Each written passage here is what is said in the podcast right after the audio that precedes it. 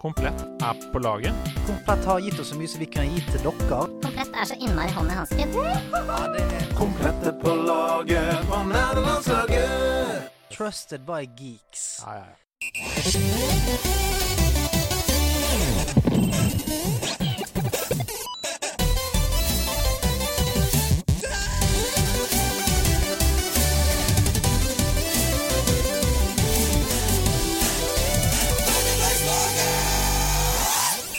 Said one for the money, two for the time. Come on, y'all, let's break dance! Det stemmer, folkens. Det stemmer. Nerdelandslaget er tilbake. Det er en deilig eh, novemberkveld. Det regner ute, men eh, ikke oppi hodet vårt. Der er det sol, baby! Og jeg heter Hasse Hope. Jeg er en av kapteinene i nederlandslaget, og rett over for meg sitter han mannen som alle kjenner som Andreas Hedemann, men som egentlig heter Andreas Hedemann! Do you like to play with fire? Yes, I do, sir. Den er fin, Andreas. Do you like to play with fire? Yes. Jeg tar ikke referansen, men jeg elsker eh, setningen. Men ok, sånn right off the bat, hvor tenker du det kommer fra? Dette Do you like to play with fire? Hvor tenker du, hvor, Hvilket spill, hvilket univers er dette i? Eh, jeg, eh, jeg tenker umiddelbart at dette kan være Det kan være uh, Skyrim. Å, det, er, det er godt uh, tenkt. Ja, Nedi er en dungeon der sitter en gammel skjelett og, og sier det til meg. Ja, For jeg kommer inn som en mage. Kanskje Du kommer med inn som en mage. Fire i hånda. ja. Det er ikke derfra. Det er fra Diablo 2. Nei da, det er fra Heartstone. Det er et kort som heter Pyromancer. Do you like to play with fire? sier den når du legger den ut på bordet. Det er jo så åpenbart når man hører svaret. ja, Og det er Pannyboy Bounce som har sendt inn den catchracen til meg. Jeg vet ikke om det funker hvis jeg hadde kommet inn Se at jeg har kommet inn på jobb, alle sier ah, der kommer Andreas igjen. Do you like to play with fire? Det er det første jeg sier. Vet du hva, Det kommer helt an på jobben du har. Eh, hvis du jobber i, som begravelsesagent og går inn på.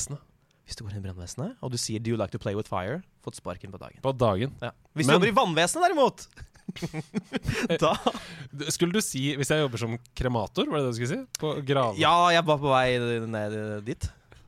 Vi går ikke dit. Vi går ikke dit. Har du det bra? Du, jeg har det helt uh, ba balalaika bananas uh, bra. Mm. Uh, jeg har jo vært litt sånn inkognito i nerdelaget nær... Hører du det? Hører du Det det? er så lenge du har vært, Det er så lenge siden du har vært inkognito. Ja. At du bare jeg har vært inkognito i nerdelandslaget sammenheng en stund, og det er fordi jeg har vært ute og, og reist. mm. Jeg har vært i Italia. Mm. Hvis dere som følger meg på Instagram, så vil dere ha bevis på det der. Mm. Jeg kan ikke si hva jeg har gjort, og det syns jeg er litt spennende. Men at det har eh, vært gøy, det kan du si. Det kan jeg si. Mm. Eh, det, har, det har det. Og jeg har fått en, eh, en veldig, veldig mild brunfarge. Fordi i Italia, i oktober, så er det jo Det er ikke 30 grader, det er et sted mellom 15 og 18. Du, du, får altså bitte litt farge. Men så da, hvordan, åssen, eh, altså Folk flest har jo ikke hatt muligheten til å reise på lenge. Var det liksom, Åssen var det å oppleve gaterestauranter, uh, litt vin i glasset, uh, en deilig hatt på snei, buksa litt høyt med uh, lyse klær? Nå beskriver du meg i Italia, eh, og det er jo det er fantastisk. Og det, det som jeg syns kanskje er eh, det, det som eh, mest umiddelbart liksom bare setter seg i ryggmargen, det er jo luktene. Oh. Eh, er bare lukten av det sånn- når du lander på Oi. flyplassen og går ut på gaten og bare kjenner at Å ja, faen, shit! Andre land lukter helt annerledes enn Norge. Og det, det visste jeg jo veldig fra før av, men du har på en måte glemt det etter to år. Asfalten lukter annerledes, Ja. og fordi luftfuktigheten er annerledes. Ja, og alt sånn. Åh, det er så jeg, gåsehud. jeg blir helt uh, kvalm av å høre deg prate. Men um, kjapt før vi tar inn dagens gjest, for dette har vi gleda oss til i nesten uh, ja, helt siden vi starta, egentlig. To år. Vi har prøvd lenge. Eh, vedkommende har uh, bodd i Bergen. bor nå i Oslo. Det er veldig bra. Eh, så det gleder vi oss til. Men før vi tar inn ukens gjest, er det, hvilket spill gleder du deg mest til sånn det neste året? Hvis du kan tenke over det. Det neste året. Um, Altså, egentlig jeg tror nok svaret på det må bli uh, Overwatch 2.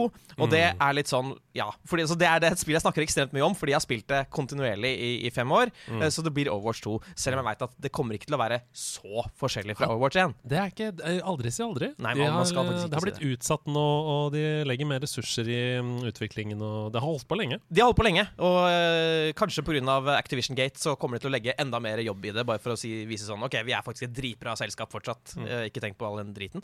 Um, um, men pga. segmentet Git Good Oi, med Sebbis, oi. så lurer jeg på om jeg har joina uh, den enorme gjengen som gleder seg aller mest til Ellen Ring.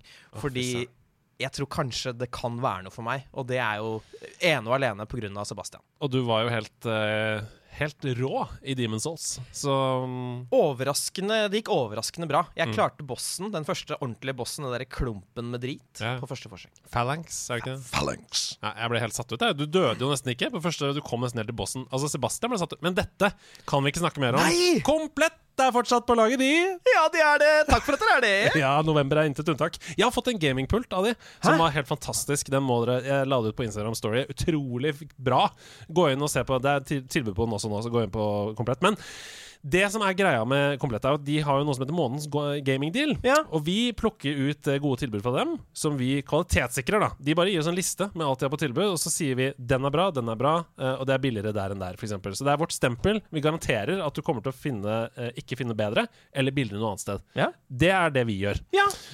Og temaet for november, det er mørke. Mørke senker seg over landet. november. Det er ikke jul, men det er en måned før jul. det er dårlig. Det er Dårlig tid. Vi stiller klokka. Ja, man kan sitte og spille inne. ja, Vi kryper sammen i koselige gaminghuler. Og det er spilling. Og det første produktet som jeg har lyst til å anbefale i budsjettklassen for stasjonære PC-er, Ja. noe som jeg egentlig aldri bryr meg om, det er Lenovo Idea Center G5. Den ligger under månedens gamingdeal.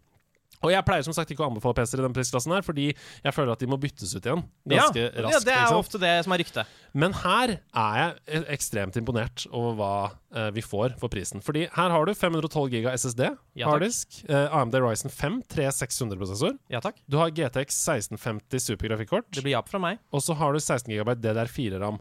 Og det koster 7900 kroner. Hæ? Det er Altså eh, det Ja, så Nå ble jeg sjokka på ekte. Dette er ikke skuespillsjokka, dette er ekte sjokka. Nei, jeg føler, jeg føler nesten de må selge med tap. For du får jo kabinett, og du får jo en Du- stasjonær PC. Jeg tror kanskje jeg må ringe Komplett og ta en alvorsprat med den. Fordi Jeg nå må ikke- prikka for de, må, de må ikke selge med tap! Nei, men jeg bare Hva, hva er speksene på PC-en din? Husker du det? Sånn on the, on the go? Ja, Det, altså, det er uh, halvparten av rammen, det er dårligere skjermkort og alt mulig. Og jeg kjøpte på Finn for dobbelt av den prisen der. Så jeg er jo egentlig litt rasende akkurat nå. Jeg angrer på at ikke jeg venta til i november nå. Nei, men jeg, Det er dritbillig. Jeg skjønner ikke hvordan de har fått det til. Men de har fått det til. Den er satt ned 1000 kroner til 7990. Eh, Sjukt. Ok, Det neste jeg vil anbefale, det syns jeg kler årstiden, fordi det er på tide å gjøre de kjedelige oppgraderingene i livet. De som bare gjør livet litt diggere. Du vet. Uh, Rydde garasjen, skifte dekk, rake løv, sånne ting. Voksenting. Ja, kjedelige ting, men som gjør livet diggere. Ja. Um, og derfor tenker jeg bytt strømforsyning på PC-en din. Selvfølgelig skal man bytte strømforsyning! Ja, eh, og da er det Corsair RM 650i. Det er en 650 watt PSU. Eh, og den er så latterlig stillegående at jeg leste en test hvor de sto eh, Vi vet ikke om den er på. Oi sann. ok det. Ja, ja, du blir faktisk nervøs for om maskinen din har gått over i en sånn zombieversjon som ikke lever lenger. Nei, det er bare Jeg har ikke sett én dårlig anmeldelse av den her. Den, alle digger den. Den har full score på komplett av brukeranmeldelser. Den er kjempelett å installere, og den er helt lydløs selv med tunge oppgaver. Og den koster 999 med gratis frakt. Eh, Den samme boksen koster 1750 på Multicom. Det er dobbel pris. Det er dobbel pris. Uh, jeg tror kanskje jeg skal ta nok en telefon til Komplett og si dere må ikke selge med tap. Ja, nei, det, Nå høres det veldig reklamete ut, men det er bare dette er, jeg mener at det er forbrukerstoff. da Det Ja, er, det. veldig veldig billig, og det er et veldig bra produkt. Og Helt til slutt så er det jo sånn at det er en veldedig stream som heter Gamer mot barnekreft. Den går av stabelen 25.11. Der skal vi være med, men ikke du. Jeg skal dessverre til Kristiansand den helgen. Og fordi du er en pirat. Du er egentlig på Kaptein Sabeltanns skip. Jeg skal opptre i Dyreparken. Sebastian og jeg vi skal ta nattskiftet vi, natt til lørdag. Så tiertoget sier tut-tut, selvfølgelig. Som det skal gjøre. Men du kan jo da bøte på ditt Kristiansand-svik ved å gå inn på Komplett og kjøpe en T-skjorte, som er den offisielle fra streamen. Den koster 299, og alt overskuddet går til Barnekreftforeningen. Så det er jo helt det Er jo ikke noe Er ikke det en no-brainer, da? Få Det seg. T-skjorte, gi noen penger til Barnekreftforeningen. Jeg skal kjøpe meg en uh, PC, og skal jeg gå inn og kjøpe det via den PC-en. Men nok om PC og uh, Barnekreftforeningens T-skjorter, for nå må vi ta inn dagens gjest. Ukas gjest er et kjent ansikt for alle som i sin tid fulgte e-sportdekningen til TV2 og VG, og har et hjerte som banker så hardt for gaming at man kan høre hjerteslagene helt til Vladivostok, en by som ligger ekstremt langt unna. Hun studerte TV-ledelse ved Høgskolen i Innlandet på Lillehammer, en by som ble gjort legendarisk i 1994, som tilfeldigvis er året hun ble født. Ut ifra bakgrunnsbildet på Facebook-profilen hennes har hun et supporterhjerte som banker så hardt for Liverpool at man kan høre bankingen helt til den sørasiatiske øyen Maldivene. Hun kan spore sin e-sport-fascinasjon tilbake til da hun i Los Angeles så sitt favoritt-e-sportlag spille finale i League of Legends. Nå er hun prosjektleder i Good Game AS og skal bidra til at norsk e-sport bare fortsetter å vokse inn i himmelen. Nå er hun her. Fornavnet er Donja, etternavnet er Jabari, og til sammen blir det Donja Jabari! Ja da! For en introduksjon! Wow! Jeg har jobbet med den introduksjonen i to år. Der er du så god. Der er du så god. Mange, mange takk. Men det er du også, for du sitter her i stolen. Og det er ikke alle som gjør det, så det betyr jo at du er god. Det gjør det. Det må jo det, da. Det må jo faktisk det. Åssen har du det? Du, jeg har det bra. Jeg er litt småsliten og litt sånn sliten i stemmen og sånn, for jeg har nettopp kommet hjem fra en eh, CSGO Major i Stockholm. Så der har jeg vært siden torsdag, og kommet hjem da litt sånn sliten og fyllesyk i går. Oh. Og har sovet i 13 timer i strekk og vært på jobb i dag. Og kjente at jeg ropte så mye på den finalen at uh, stemmen er litt sånn gåen. Og det er jo ikke helt fordel når man skal spille en podkast, men jeg tenker at det viser litt sånn uh, entusiasmen der, da. Det, Det er jo veldig bra at man kan, man kan høre hvor glad du er i, i, i spill gjennom stemmen din. Det synes jeg er kjempebra. Og jeg må bare si hvor misunnelig jeg er på deg som var der. Altså, hvor mange mennesker snakker vi det var 17 000 eh, mennesker i, i Globen, det som nå heter Avicii Arena i, eh, i Stockholm. Og det var altså så kult. Altså, det, det, det så helt vilt ut. Altså, det er bare sånn eh, For å sette litt i perspektiv, da. Ja. CS Alle som hører på denne podkasten, vet jo uh, sannsynligvis hva CS er, men når uh, terroristene planter en bombe, så teller jo den uh, tiden ned og eksploderer hvis ikke counterterroristene klarer. Og idet bomben eksploderte, så eksploderte det også i pyro Hæ? rundt scenen hver gang. Å, herregud! Skjønner du? Ja, jeg skjønner Det er så fett! Det er så rått, det. Åh, ja, det var helt crazy. Og det var liksom så mye med den scenen. Den var jo helt eh, amazing. Den scenen så ut som et liksom, romskip der de satt, uh, de spillerne. Og det var så mye sånne detaljer som var bare sånn robotstyrte detaljer, da. Med den der, ikke sant. At den detekter når bomba går. Og det var liksom uh, Hvor mange som var i live, var liksom lyst opp over de. Og, Som Squid Game. Altså, Ja, Ja, faktisk! Ja, ja, ja, ja. Og det liksom går ned når de dør. Og du, og du hadde playercamsa hele tiden, så du Ja. så liksom reaksjonene på dem med en gang. Når de bomma det, det skuddet, liksom, så var det sånn Du så det i ansiktene deres, liksom. At Ja. det, nei, det var helt, helt sinnssykt. Men så du noen sikke moves? Absolutt noen sikke moves. Mm. Ja. Eh, Det var jo um, en semifinale der som var ikke noe av det beste jeg har sett av CS. Oi. Og jeg har sett mye CS. Ja. Og finalen òg var helt Altså, den gikk jo til double overtime. Eh, hvor det var liksom ett skudd som sto mellom eh, tredje kart eller ikke, liksom. Mm. Og det er liksom det ene skuddet fra den spilleren som er ranka nummer tre i verden, ikke sant. Ja. Og han bommer på det digelskuddet. Som en, han står liksom han har ryggen til, da, Ja. han som Ja. blir skutt. Og det er et skudd du skal treffe ti av ti ganger. Ikke Jeg ville truffet, liksom. Jeg ville truffet, og jeg er eh, gold, liksom. Så, og når han bommer den, ikke sant? og du veit det kun er nerver, og det står 18-18 på tavla, det er double overtime, og det er liksom Nei, det var gåsehuden. Den kommer bare når jeg snakker om Mm, Ja, det nå, liksom. jeg viste fram gåsehuden. Ja, ja, jeg så den. Nei, det er helt drøyt. Helt drøyt. Fantastisk. Ok, For de som ikke kjenner deg, Donja, hva, hvem, eh, hvorfor sitter du her? Hva er det du driver med? Nei, jeg eh, har jo jobbet med e-sport nå i, siden 2015-16 en plass. Mm. Um, jeg har jobbet for eh, VG uh, og dekt, eh, dekt litt for de i sånn gaming- og e-sport-verden. Um, og så ble det jo da, mens jeg var i VG, oppretta en e-sportredaksjon i TV 2, Ja.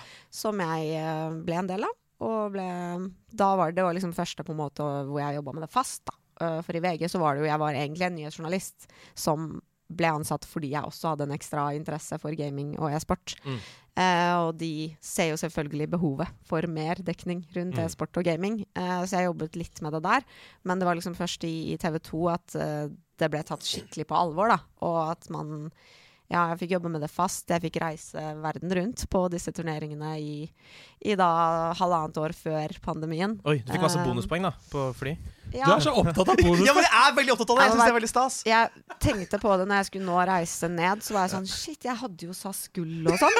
Det er jo helt konge. Men så har jeg fått en mail av de at uh, grunnet at du ikke har reist på halvannet år, så har abonnementet ditt gått ned til silver. Og jeg er bare sånn SAS, please? Ja, vet du hva. Du har vært en så god kunde for dem. Ja. Eh, I tillegg så må jeg bare si sånn Det der kan jo Det må jo kunne force gjøres up the race. Hvis Ja. du skjønner hva jeg mener. Ja, ja, er- Hvis dere hører på nå, SAS. Ja. Mm, mm. Skjerpings, skjerpings. Men det, jeg tenker, altså det som er så gøy eh, Jeg tenker jo, for ikke sant, Nå har jo du da vært med på, på e-sportsatsinger både i VG og i TV 2. Eh, og jeg føler at det var sånn rundt 2014, 2015, 2016 at e-sport virkelig begynte å bli tatt på alvor i Norge. Og jeg tenker sånn, Hvis du fortsetter å jobbe med det til pensjonsalder, så kommer du til å være en sånn nestor. Altså Du kommer til å være den personen man alltid kontakter når det er snakk om e-sport. Og du sitter her og er 67 år og liksom Ja, nei, men nå skal du høre fra CS-turneringen i 2018. Use deagle you must. Ja, ja. Altså, det, ja, det var kjempebra parodi. Takk. Eh, Det kommer til å bli eh, på en måte, Du blir for, eh, for e-sport eh, det Det Rune Fjell Olsen er for spilljournalistikk. Da. The, the, liksom the grand old person.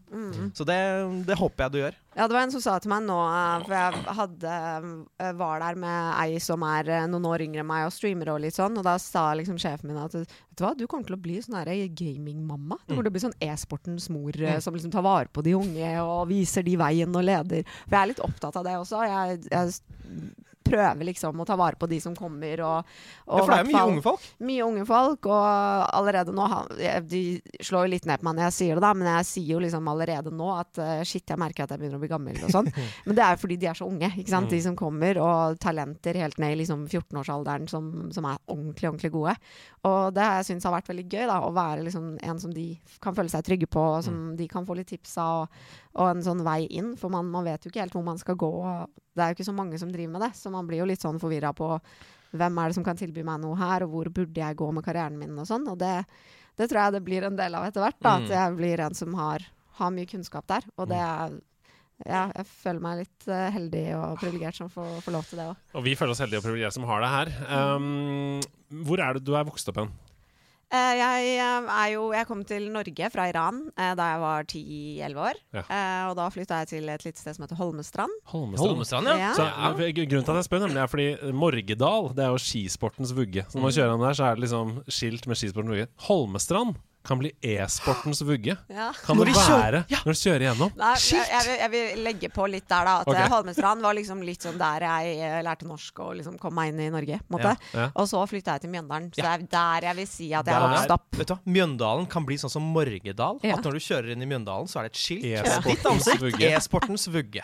Og så er det liksom en, til enhver tid en sånn bombe som pip, som piper ved siden av. oss. selvfølgelig ikke er en ekte bombe. Selvfølgelig ikke er du gæren! Det er bare et monument, da. Det er det. e-sportens vugge. Mjøndalen. Mjøndalen. Som ikke har Mjøndalen har jo ikke eh, Altså, de har et fotballag i Eliteserien. Jeg har vært eh, på Costco Arena eh, og Nei, Costco.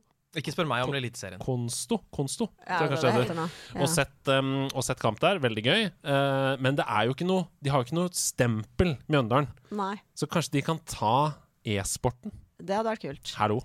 Og eh, Mjøndalen fotballklubb begynte jo også ganske tidlig med, med Fifa og litt sånn e-sportsatsing og sånn, så det er, det er bra, det. It's written in the stars. Ja, ja, Jeg ser det. Jeg ser det. Ok, men eh, så for å få det på det rene, da. Du har jo på en måte brukt store deler av din yrkeskarriere på å på en måte allmenngjøre, tilgjengeliggjøre e-sport for folk flest. Men i tillegg til det, så er du jo en gamer. Så hvis vi spoler tiden tilbake, Donja. Hva var ditt første spill? Hvor var det det begynte for deg? Første Altså, de aller første spillene var egentlig bare sånn der spill vi fikk i posten, som jeg nesten ikke husker noe navn på engang. Som var sånn derre Typ sånn derre du abonnerte på og sånn, som du fikk. Og da husker jeg det var en som var noe sånn derre Du var inne i noen templer i noe eh, egyptisk by og skulle løse noen sånne gåter og sånn. Og jeg husker ikke helt hva det var for noe.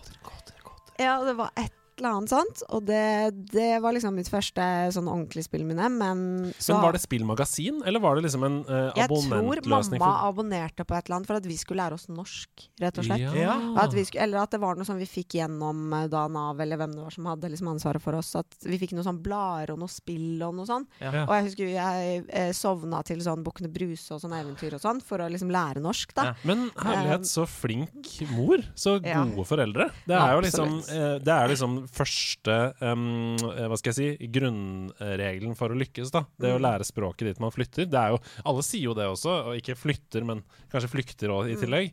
Men, men eh, alle sier jo det at eh, når du kommer til et nytt land, uavhengig om det er frivillig eller ikke, så er liksom det ja, det er grunnpilaren for, Mm. for suksess. Og det ser man jo på deg nå! Ikke sant? det begynte med Bukkene Bruse, og Ja, nå er ja. Mjøndalen e-sportens vugge. Ja, endelig!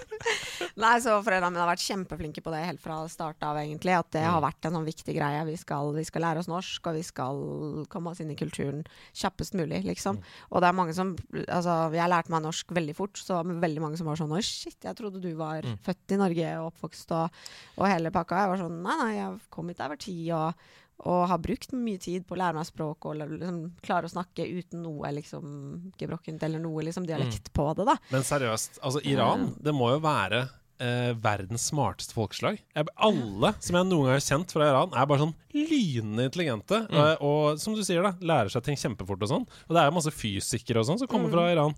Ja, altså, fleste jeg kjenner er liksom enten leger eller uh, Ja, det er veldig rart. Det er veldig rart. Jeg har tenkt på det selv også. Nesten alle jeg kjenner er liksom brain surgeons, liksom. De er Wow. sånn super brainiacs.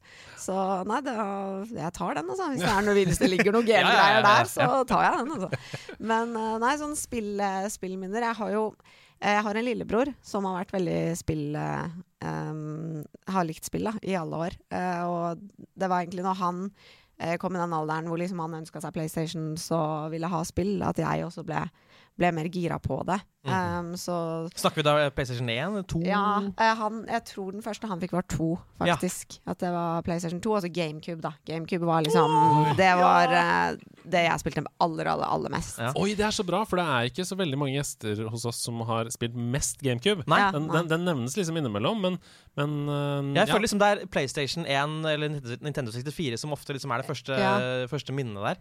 Og GameCube er jo fantastisk. Ja, for godt, Nintendo eh, 64 og sånn var liksom eh, det var, Vi kom til Norge på en måte når det allerede var litt sånn ut, så da, da var det allerede for gammelt, på en måte. Så Ja. PlayStation 2 var liksom da Men var det eh, foreldrene dine som, eh, som på en måte um, skaffet dere gaming, eller kom det Ja. som et ønske fra dere? Nei, det var jo eh, lillebror, da, som hadde oppdaget uh, gaming, og Mm. liksom venner på skolen og sånn, som hadde, hadde spill og sånn. Mm. Så det var egentlig han som ønsket seg det, og så ble jeg litt sånn OK, det er gøy, da.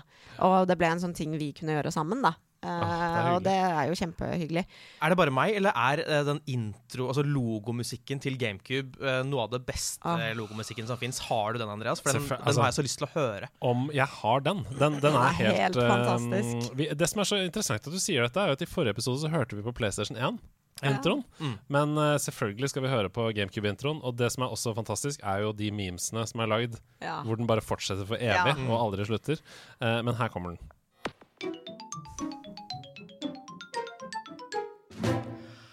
Altså, det er så classy! Det er så sofistikert. det mer nostalgisk enn det her, liksom. Det er, jeg ser den rulle bortover på skjermen Ja. når den musikken går, liksom. Og jeg har, jeg har GameCuben min fortsatt, for jeg har ikke hjerte til å bli kvitt den. Den Ja, det må jeg- du aldri Nei, gi bort, altså. Nei. jeg, jeg, har ikke, altså, jeg har ikke kontroller som funker til den, så det må jeg bare klare å skaffe meg. Jeg har vært på finn.no og prøvd å skaffe meg det, men selve Men de kontrollene De de er så vanskelig å få tak i. Fordi fortsatt det. så er jo Smash Bros. Melee det er jo fortsatt det kompetitive Ja. spillet. Altså Nå har de gått over til Ultimate, da men veldig mange sverger fortsatt til det. Så derfor så, og, og sverger til å spille det nye også, med GameCube-kontrollere. Fordi det er en perfekt kontroller. Nettopp! Mm. Så det er uh, mangelvare, rett og slett. Yes, så nei, den skal ikke kastes. Jeg skal skaffe de kontrollene. Og den er sånn Nå er jeg nettopp flytta, så og den er liksom Jeg tar fortsatt li like vare på den under flyttinga, og liksom Mm. den skal ikke noe sted. Altså- for jeg har så mye minner med den GameCuben. Det du må gjøre, er å bare sette opp et søk på Finn. Uh, Mm. fordi altså, Jeg tror nok de kontrollene kan gå for en del, men det vil alltid være liksom sånn eh, mødre som bare går opp på loftet, og så finner de en gammel Ja. eh, kontroller, og så tenker de ja, jeg selger den for en hundrings. Og så må du være der det sekundet den legges ut, og bare bang! Det gjør det nok. Ja. Helt sikkert. Men den er jo veldig lett å bære rundt på, for den har jo håndtak. Ja. Så den er jo den lett å helt flytte. Nydelig. Den er så fin. Åh. Men ok, la oss dykke ned i GameCube. Ja. Um, er det noen titler der som du har lyst til å liksom fremheve og snakke litt om? Det var mye Mario. Ja. Eh, mye Mario Sunshine, da. Ja, så mye Mario Sunshine. Uh, men jeg er litt sånn eh, Jeg har et sånn ekstremt usunt konkurranseinstinkt. Sånn helt drøyt, liksom. Eh, så Nok en gang, er det Iran, eller? Fordi ja, det er det òg. Er en greie.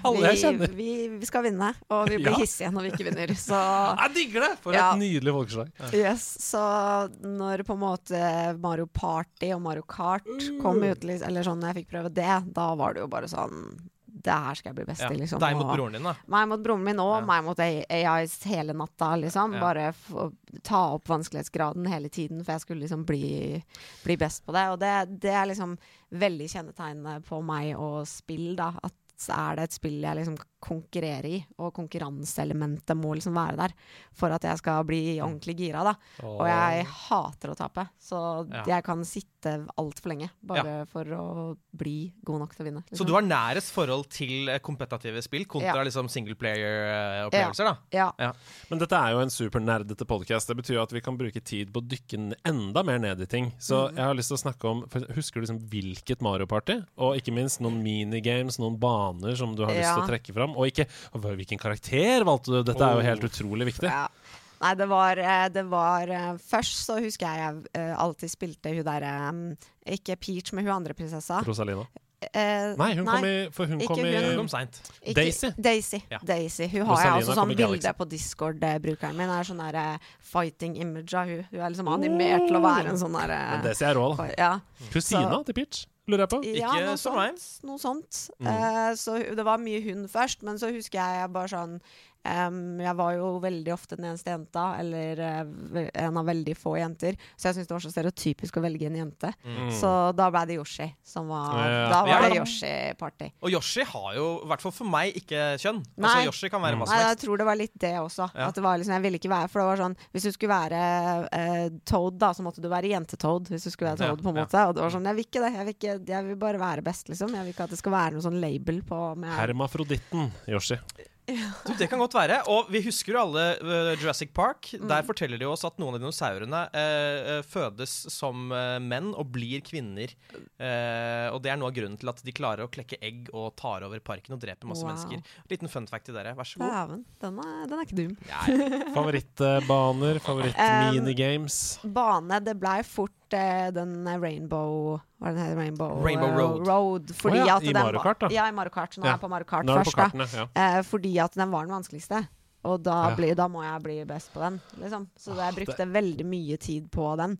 Eh, og da var det jo veldig sånn derre finne alle Sitte og liksom google og prøve å finne alle sånne Snarveier. snarveier og shortcuts og liksom perf perfeksjonere det. da At jeg liksom skulle hoppe av akkurat der, sånn at jeg kommer Mm. ned på neste. Og Det er det som er så gøy når du eier spillet selv og har lært deg de Ja. greiene, så har du med deg noen hjem fra skolen Exakt. som selvfølgelig ikke kan de snarveiene, Exakt. så at du veit at du kommer til å slå dem med to minutter. du knuser de, ikke sant? Du lapper de bare de og sånn. Jeg sånn. skjønner ikke hvorfor! Nei. Hvorfor vinner du? Ja, ja, Nå ser de på din skjerm når de kjører selv. Noen Så bare. Nei! Du tar til venstre! Ja, ja. Du, du breaka spillet! Ja, jukser. Ja. Men da er det double dash vi snakker om nå, da. Det er vel det som var på GameCube? Ja. Mario Kart double dash. Ja. Mm. Og så Mario Party, så um, Nei, det, jeg hadde ikke noe sånn favoritt eh, minigames, tror jeg. Jeg skulle bli Jeg skulle aldri tape noen av de. Så det Mm. var liksom ikke Jeg husker jeg hadde sånn Det var ingen som klarte å slå meg på Det var noen sånne derre um, totempeler du skulle slå Ja, jeg. veldig fort, liksom. Oi, oi. Og den hadde jeg liksom Det var ingen som klarte å slå meg. Det, det var ingen som hadde sjanse. Det- Da ble lillebror ganske hissig, for han som satt og prøvde og prøvde og prøvde og fikk aldri til å slå highscoren min på den. For de andre kunne vi gå litt opp og ned, at han plutselig klarte å slå den, og da måtte jeg sitte i flere timer og prøve å slå, liksom. Og så Ja. eh, Men akkurat den tror jeg han aldri klarte å slå. Det var ingen av vennene mine som klarte å slå, for da hadde jeg en sånn helt syk eh, Så potensielt så er du kanskje Vi vet ikke, Vi vet ikke. det kan, det kan være at du er den aller beste i verden på akkurat det totempelspillet. Kanskje. Ja. Jeg kan, det er ikke testa. Så hvis det blir en e-sportkategori, totempel i Mario Party 4 Der skal jeg slå til. Det som er sjukt, da, det er jo at Mario Party Superstars eh, Mm. har jo akkurat kommet. Og det er jo eh, De sier det selv. The best minigames from all the games. Og også de beste banene. Mm. Så for alt vi vet, så er totempelspillet i den Kanskje. I HD. Men jeg lukter jo en eller annen challenge her. Ja. Altså Vi må få til en eller annen stream eller et eller annet hvor det er Mario Party Superstars, hvor Donny også er med. Yes. Fordi hun kommer til å klikke. Jeg kommer til å miste det. Og det, og det har du lov til. Du kan, du kan si hva Du kan skjelle meg ut. Du kan Ja, kaste ja. ting på meg. Ja, ja. Ja, Hvis jeg klarer å slå deg, da. Men, ja, det er det, da. Vi får se. Ja, nei. Nei, så det var, det var de. Og så um, etter hvert så, så var det jo PlayStation 2 som det gikk, det gikk litt i. Mm. Og da husker jeg først, første spillet som jeg liksom forelska meg skikkelig i, var uh, SSX Tricky. Åh, elsker det! Jeg sang faktisk riktig tekst, da. Vil du ta det en gang til, Sånn It's tricky to write a rhyme to write a rhyme, that's right on time, it's tricky. Ja, det er fasiten. Tricky, Mm. tricky, Jeg lærte det av tricky, Sebastian tricky. Åh, Det er så bra. Alt i orden. Det er, et, det er kongespill, det. Herregud, så bra. Ja. Altså, og den eh, tricky hvor du liksom um, fikk de der spesialmovesa med boosten. Mm. Uh, og de Ah. Jeg satt i så mange timer. Og, ja, og øvde på de i den der treningsbanen hvor du kunne liksom perfeksjonere de spesialtriksa. Og så had, hvis du hadde liksom eh, brettet ditt matcha outfitet ditt, så fikk du en ekstra move. Eh, fordi da fikk du en sånn der eh, personlig til den karakteren. Ja. Eh, som var det samme. Så du hadde egentlig fem moves, men du fikk et ekstra et. Og så var det jo liksom utførelsen av det ga deg så og så mange poeng, og så kunne du få sånn infinity boost hvis du tok alle fem på rad. Og jeg, jeg satt i så mange timer. Og jeg har jo emulator på PC-en min nå, Ja. eh, og sitter fortsatt med Ja. PlayStation 2-versjonen av SSX Tricky og spiller det de dagene jeg vil bare slappe av og bare Ja. nostalgieffekten, liksom. Det er jo så rått med sånne spill, i hvert fall for, uh, altså, for jeg, jeg har aldri stått på snowboard, så jeg hadde ikke Nei. fått noe glede ut av å spille et realistisk snowboardspill. Nei, Det er kjedelig, men i SSX så er det jo bare sånn Du er så overpowered, og så, du, Ja. du hopper så høyt og gjør så mange ting. Ja, du driver jo og Fantastisk. Sykler mens brettet er i løse lufta, og det er så mye sånn spesialmoves som er helt ville, liksom. Og, For, um, for ca. sånn eh, ja, Jeg vil si 69 måneder siden da, så hadde jeg en Kojima-kode i nederlandslaget hvor SSX Tricky var svaret. Og da gjorde jeg litt research på det spillet, for jeg, jeg spilte jo like mye Altså ikke like mye som deg, men jeg spilte dritmye. Jeg elska det hos Martin Hugo, min venn. Og da uh, gikk jeg inn på alle locations og så på de forskjellige mapsene og sånn um, som hadde vært. Og da uh, fant jeg gamle Tokyo Megaplex. Ja, I SSX Tricky. Og Tokyo Megaplex er jo som et flipperspill. Ja. Altså Du kjører nedover, og det er uh, forskjellige bumpers. Du, kan, Mm. du kan bli skutt opp av en sånn kanonting midt Yes. på brettet. Yes. Og det er bare helt rått. Og der òg var det jo også så mange sånne herre um, snarveier og ting som liksom Hvis du flyr av det fjellet i 45 graders vinkel, så kommer du akkurat på den rampa, og da kan du ta et spesialmove, og ja, alle de der. Og, Og det var liksom- liksom ramps som gikk over Vi ser på et bilde her nå av ramps som går over noen glassruter. Og jeg husker jeg eh, Martin Hugo klarte selvfølgelig alltid å, å raile på de railsene. Rails er det, ikke ramps. Mm. Eh, mens jeg kom ned på glassrutene og falt gjennom, knuste, var den tilbake på kjedelig snø. Ja, men du Ja. er veldig dårlig i spill, da. Jeg er veldig dårlig. En av Norges dårligste. Nei, så det, det gikk det veldig mange timer i, og det var liksom det første jeg liksom forelska meg skikkelig i, da, som jeg kunne sitte og spille uten lillebror, på en måte. Bare, Ja. Det var mitt spill, liksom. Mm. Uh, så det, det gikk det veldig, veldig mange timer i. Men var det sånn at du eh, liksom eh, fulgte med på hva som kom av spill, eller bare liksom fikk du random spill, eller var det sånn at gikk du foreldrene dine og sa 'Å, nå, nå må jeg ha det spillet', eller hvordan var det du Nei, det, gjorde det? det var mer sånn lillebror sin rolle, liksom. Det var Han- han, han- som ønska ja. seg til jul, og han som ønska seg ditt og datt. Og så er det jo litt sånn På den tida så var det ikke helt sånn lagt opp til at jeg som jente skulle være interessert i det. Mm. Eh, det har blitt bedre, og det holder på å bli bedre. Mm. Men da var det veldig sånn Jeg måtte nesten ha en sånn ekstra grunn for å spille, liksom. Eh, og det var ikke markedsført mot meg, eller det var liksom ikke tilrettelagt for, for, for at jeg skulle liksom finne det, egentlig. Så det var veldig mye gjennom lillebror. At han fikk med seg veldig mye og ønska seg jul, julegaver og ditt og datt, som jeg liksom bare Ja. prøvde. Fordelen med det er jo at da, eh, da bruker ikke du opp et julegaveønske på det. Det var det også. Du kan få noe annet, han får de spillene, og du får fortsatt ta glede i de spillene. Nettopp. Så hver gang det kom nytt Mario Party og sånn, så visste jo jeg at jeg også ønska meg det. Ja. Men da var det litt sånn her Kan ikke du ønske deg det i bursdagen? Du ville jo ha det, ikke sant? Og så ønska han seg det. Eller nye konsoller, for eksempel. Han fikk alltid PlayStation. Han fikk PlayStation 3 og PlayStation 4 til julegave i to Hvorfor er kvinner kanskje ti ganger smartere enn menn? Altså, det er, det er, nest, det er, de er så mye smartere. Mye, mye, mye Jeg var ikke i nærheten av å tenke dette da jeg var en liten fisegutt. Men OK, du sier, du sier at um, eh, det ikke var så tilrettelagt for deg, og så sier du også at det har blitt bedre, og at det er på vei til å bli bedre. Hvordan merker du det? Eh, både i jobben din og alt sånt, da, men som gamer, da? Jeg merker jo det i og med at jeg møter så mange flere jenter. Um, og at jeg møter jenter ned i liksom tiårsalderen som knuser meg i Fortnite, eller knuser Mm. meg i liksom, uh, spill. Som jeg blir bare sånn, jeg blir bare glad. For jeg blir bare sånn jeg visste jo nesten ikke hva spill var da jeg var ti år, liksom. Og dere har bare vokst opp med det her. Og eh, vi hadde Jeg jobba på Elkjøp for noen år siden, og da hadde vi en sånn liten um, Fortnite-turnering. Det var da liksom Fortnite hadde kommet ut og var liksom kjempestort. Uh, så hadde vi en sånn liten, liten turnering i butikken, og da husker jeg det kom inn en sånn liten gjeng på ti til tolvåringer, liksom. Og de satte seg ned og spilte, og da var det ei jente med eh, og to jenter, da, og så var det kanskje sånn seks gutter. Og de gikk i samme klasse og sånn, og hadde fått lov til å komme og spille. Og da var det ei av de jentene som satt, og så sto liksom fire av guttene bak henne og liksom heia skikkelig på henne. Og det var liksom ikke noe, det var ikke noe rart, da. Mens hadde det vært meg, så hadde mange hatt spørsmål. Det hadde vært sånn Hvorfor spiller du? Hva er grunnen Mm. til at De hadde alltid lurt på hvorfor du spiller. Ja. Mens her var det ikke noe spørsmål. Det var bare sånn Selvfølgelig spiller du Fortnite, jeg spiller Fortnite, han spiller Fortnite, liksom. Og det var bare sånn klassen spilte Fortnite, Ja, eller Minecraft, eller de type spillene som var veldig sånn populært i den alderen, da. Som er populært i den alderen. Ja.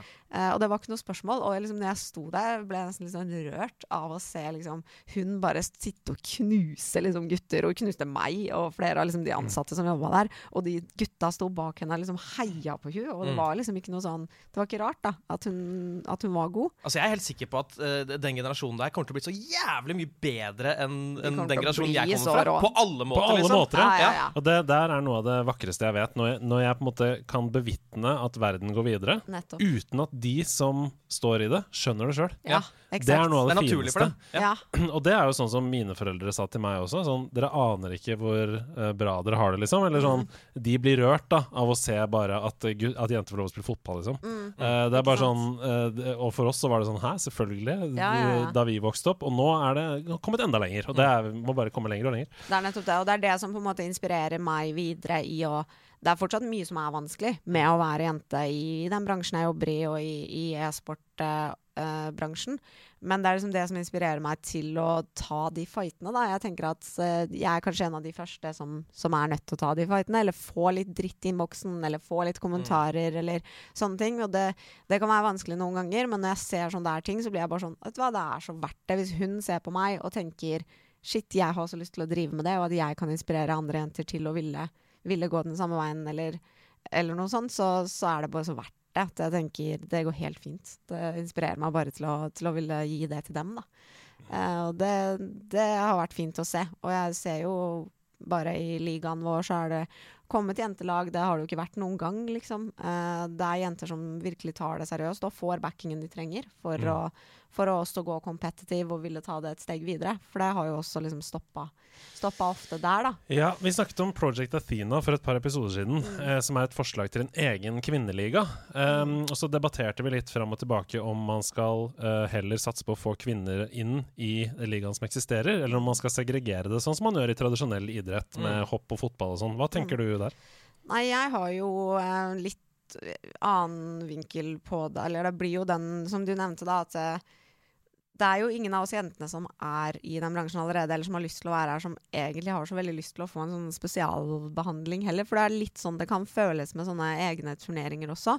Og sånn som man ser fra tradisjonell sport à la fotball og sånn, så får det jo ikke samme attraction, og det får ikke samme seertall og alt sånt heller, som også gjør det litt demotiverende, ikke sant, å ville satse livet sitt på det, liksom, og Mm. alle de timene det trengs da, for å bli en proffspiller.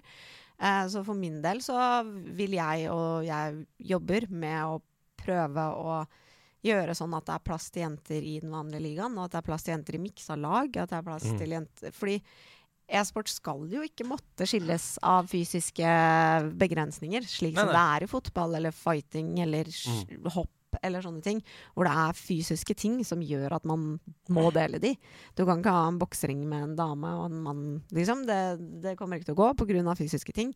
Mens her så har vi jo egentlig en gyllen mulighet da, til å være den sporten som, som er mest inkluderende av alle. For det har ingenting Nei, å si. Det handler om Om du- skills og litt personlighet, liksom. Og Ja, det, det, Og det, det er mer liksom det som er inni deg, da. Ja, ja. Inni hodet ditt. Og ikke liksom hvordan du ser ut, eller muskler, eller hvor høy du er, eller hvor tynn du er. Eller, liksom alt det kan bare legges til siden, da.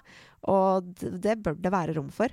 Eh, så jeg er egentlig veldig mye mer for at man prøver det man kan, i hvert fall. For å gjøre det trygt og godt for jenter å ville satse videre. For det er der det stopper litt nå. Og så kan man få dem inn i miksa lag og inn i fulle jentelag som konkurrerer i samme liga som det guttene gjør. Det er liksom mitt håp, da. Mm. Ja, det var, der vi, det var det vi endte på også, i Ja. vår diskusjon. Mm. OK, vi var på PlayStation 2. Ja. Um, hvor gikk veien videre derfra? Veien derifra gikk jo egentlig til at jeg, jeg ble veldig interessert i å jobbe med eh, TV og um, journalistikk, TV, innhold. eh, og da ikke fikk like mye tid til å spille. eh, og liksom flytta litt for meg sjøl og studerte og litt sånne ting. Eh, og jeg har jo alltid vært ekstremt, eh, som dere nevnte i introen her, eh, fan av intro tradisjonell sport. Mm. Eh, og spesielt fotball, da. Mm. Og jeg hadde rett med Eh, Absolutt. Tusen takk. Absolutt. Det er bakgrunnsbilde på telefonen, og det er liksom Ok, ok. alt mulig. Um, så jeg har liksom alltid vært en sånn skikkelig fangirl. eh, og, og tradisjonell sport har, har betydd mye for meg. Så jeg skulle jo egentlig bli fotballreporter, eller fotball, ja. liksom jobbe med fotball, var liksom greia. Um, og så har jeg en vennegjeng eh, fra Mjøndalen. Eh, med en guttegjeng uh, som gama. Eller begynte å game veldig mye i sånn 2010-11 typ. Uh, de har alltid gama mye, men de begynte å spille da League of Legends. Mhm. Um, det året det kom ut. Eh, og så har um, vi, den vennegjengen har uh, alltid liksom samlas, samles sa- Herregud, jeg klarer ikke å prate. De har, vi har Hun har vært på major, folkens. Jeg er Dette må sliten, dere jeg er sliten, men dette går bra. Uh, vi har vært en vennegjeng som alltid har vært samlet hos han ene hver sommer. Fordi Mm. at foreldrene hans reiser til Tyrkia i en sånn leilighet der. Og så har vi, har vi samles der og liksom spilt volleyball, gjort det, alt det man skal på sommeren. Og så det året League of Legends kom ut, så var de gutta mer gira på å bare sitte inne hele den sommeren og spille, da. Og jeg var litt sånn OK.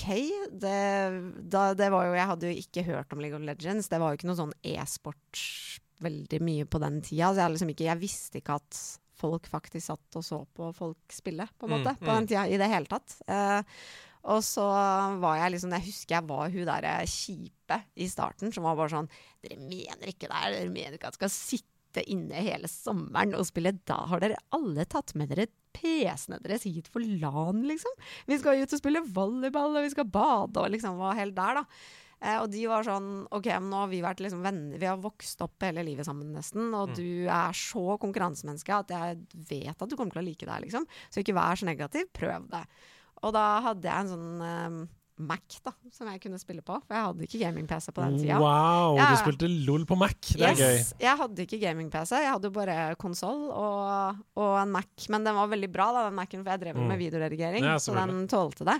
Uh, og da lasta jeg ned og satt liksom med de på LAN. Og fra liksom det første gamet så var jeg bare helt sånn Helt ny verden. Åh, og helt sånn var- frelst. Helt sånn Hva er dette? Liksom. Det bare åpna en dør til bare sånn jeg så liksom parallellene med en gang, da. Fra tradisjonell sport, fra konkurranse. Altså hvor langt Hvor mye man må kunne. Hvor, altså, hvor stort det egentlig er, og alt det der, da.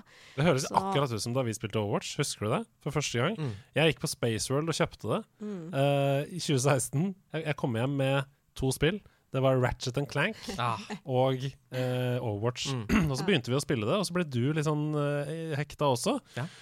Hva, kan, kan, husker du det? Husker du den følelsen? Jeg husker den følelsen. Eh, og det å begynne å spille et spill, og så liker du det skikkelig godt, og så bare har du lyst til å ha noen å spille det med. Legger ut en status, spør om det er noen der ute av mine venner som spiller det. Tilfeldigvis er det Andreas, som ikke jeg egentlig har snakket noe særlig med de siste fem årene. Eh, og så bare begynne å spille, og kjenne bare sånn shit. Jeg kunne blitt proff i det her hvis jeg hadde satsa. Selvfølgelig tenker man det. det jeg har, ja, jeg har vært i gold i fem år nå, men jeg kunne, jeg kunne blitt master! Jeg kunne, kunne. Ja, Du har vært Dr. Platt. Jeg har vært Dr. Platt. Ja. og vært innom Gøy. Ja. Ja. Men uh, det er jo uh, 160 nesten Heroes Nei, Champions, mener jeg. yes. I, i, i League of Legends. Og det, man kan ikke si sånn 'Hvem spiller du?' Fordi Nei. det går ikke. Man spiller ganske mange i League of Legends. Men man. hvem er det du er best i, da? Sånn rent uh, objektivt. Uh, nei, altså så uh, Bare for å forklare hvorfor først, så um, Siden at dette var en, var en guttegjeng som hadde spilt litt spilt spillet en sesong før meg, da, så Mm. var jo de allerede De skjønte jo spillet og visste Og jeg hadde jo nesten ikke spilt sånn Altså jeg hadde jo aldri spilt sånne typer spill i det hele tatt. Moba-spill, ja. Så da ble jeg jo um, support ganske fort. Ja, det var ikke noe ADC der. Nei, det ble ikke noe liksom fighting-rolle i det hele tatt. Det ble sånn, Du kan være supporten, og så kan vi lære deg spillet, liksom. Litt sånn som jeg var i, Um, i Overwatch. Da. Ja, det var Mercy. Ja. Ja, så jeg vil si at jeg er best med champion som heter Nami. Ja. Eh, og litt sånn eh, typiske, litt sånn s- Kanskje litt sexistisk å si, men litt sånn eh, jentete champs, liksom. Men det var mer for at jeg likte abilitiesene. Jeg likte Mm.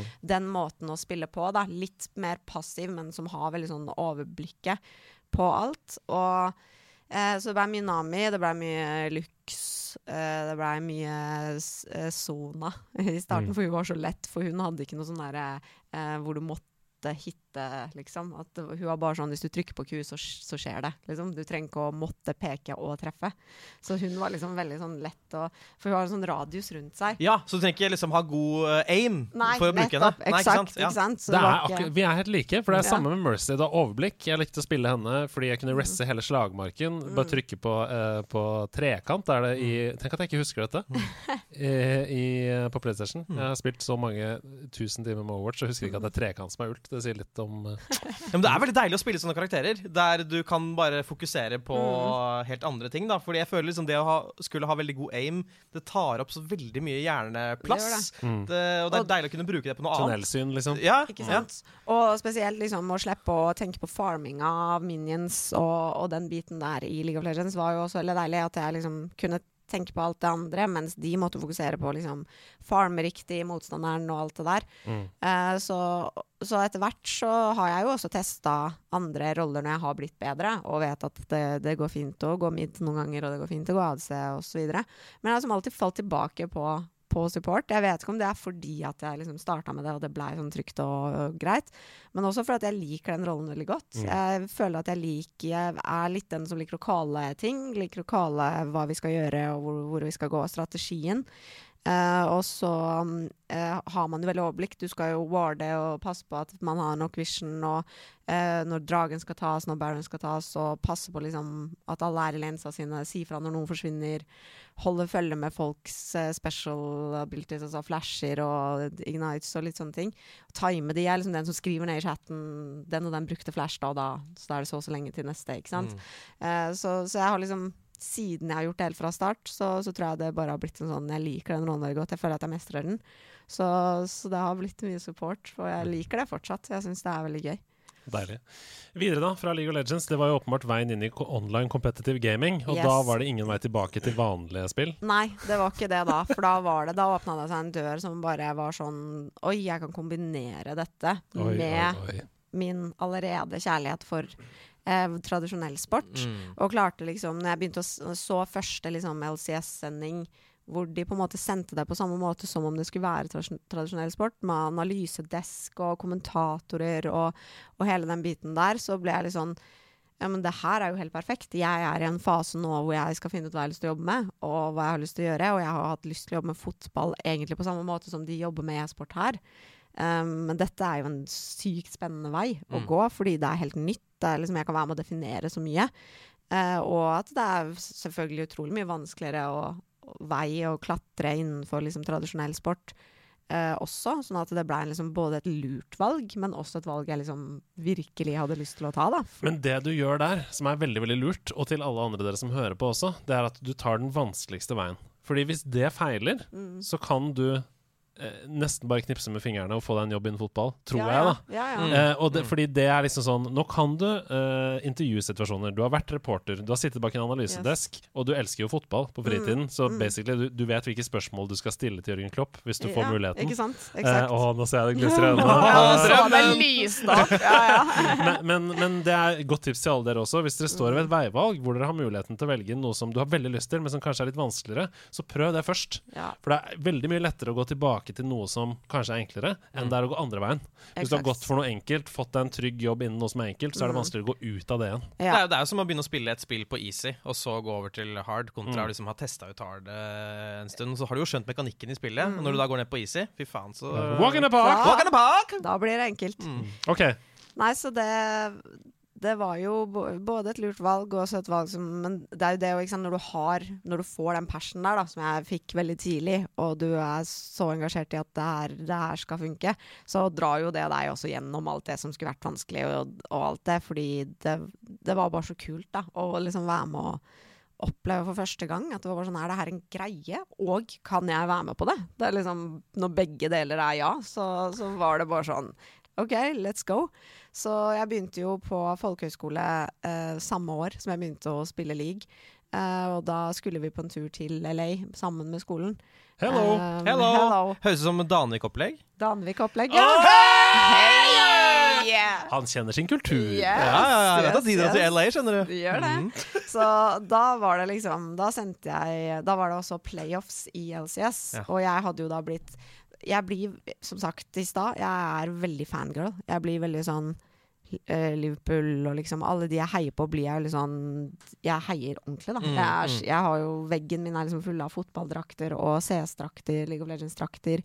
Jeg er sånn Elsker den fankulturen, da. Eh, så veldig tidlig så ble jeg stor fan av TSM eh, på den, den tida som spilte League of Legends. Eh, og da var det også en, en, en danske som heter Bjørgsen, som jeg ble utrolig fan av. Og da skulle jo han spille i den finalen, og de, det laget skulle spille i den playoffs-finalen som var i LA tilfeldigvis samme uka som, som vi var der. Eh, så da, da, og de billettene var utsolgt, så det var ikke flere billetter igjen. Eh, og jeg liksom sender en mail til Riot og bare Hei, uh, I'm coming from Norway with my school. Og is there any possibilities I'm traveling this far to come see? Og liksom helt der, da. Og da, det er liksom en av veldig få veldig positive opplevelser jeg har hatt med Riot. Eh, hvor de liksom De, de var jo kjempegira på det, og det var veldig tidlig. Så de liksom sendte mail tilbake og bare Ja, ja, add meg på Skype, som man brukte da. Som man kanskje ikke bruker så mye nå lenger. Eh, add meg på Skype, så skal vi ordne dette her, og sånn. Og da liksom var det en fyr som møtte meg på utsiden. Jeg dro jo alene vekk fra klassen min, for de skulle på noe sånn kirkeopplegg.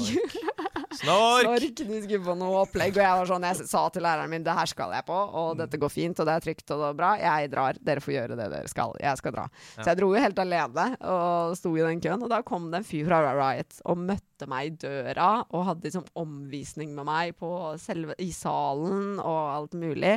Kan jeg spørre, for dette er en viktig detalj. Mm. Hadde de med kamera for å lage content? Nei, Nei.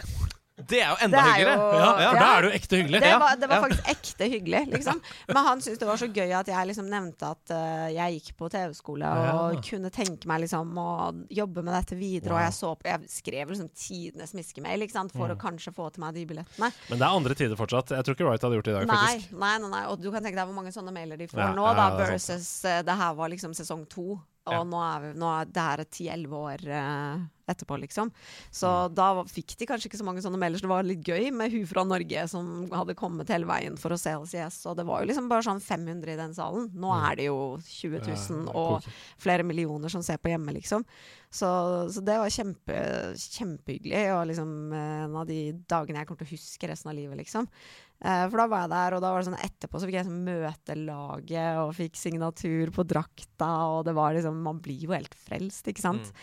Så, så siden det så, så var det bare sånn OK, da er det dette jeg skal, da. Mm. Da er det dette jeg skal jobbe med, og det er den veien her jeg vil gå. Og da var veien kort til CS, til andre kompetitive spill òg. Ja, det var jo det det var. Jeg skrev jo året, eller tre år da etterpå, så skrev jeg en bachelor om, om e-sport på TV-skolen. Eh, og da var det jo mer sånn hvordan får man e- e-sport til å bli Altså hva er e-sport tenkt i en underholdning, som en underholdningssjanger, da? Hva er det det Mm. er for noe? Er det sport? Er det underholdning? Hele den biten der, da, i en sånn 50-siders bacheloroppgave. Mm.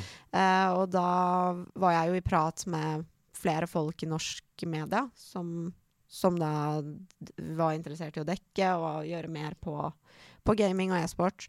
Og da folk i NRK og VG som var, var veldig gira.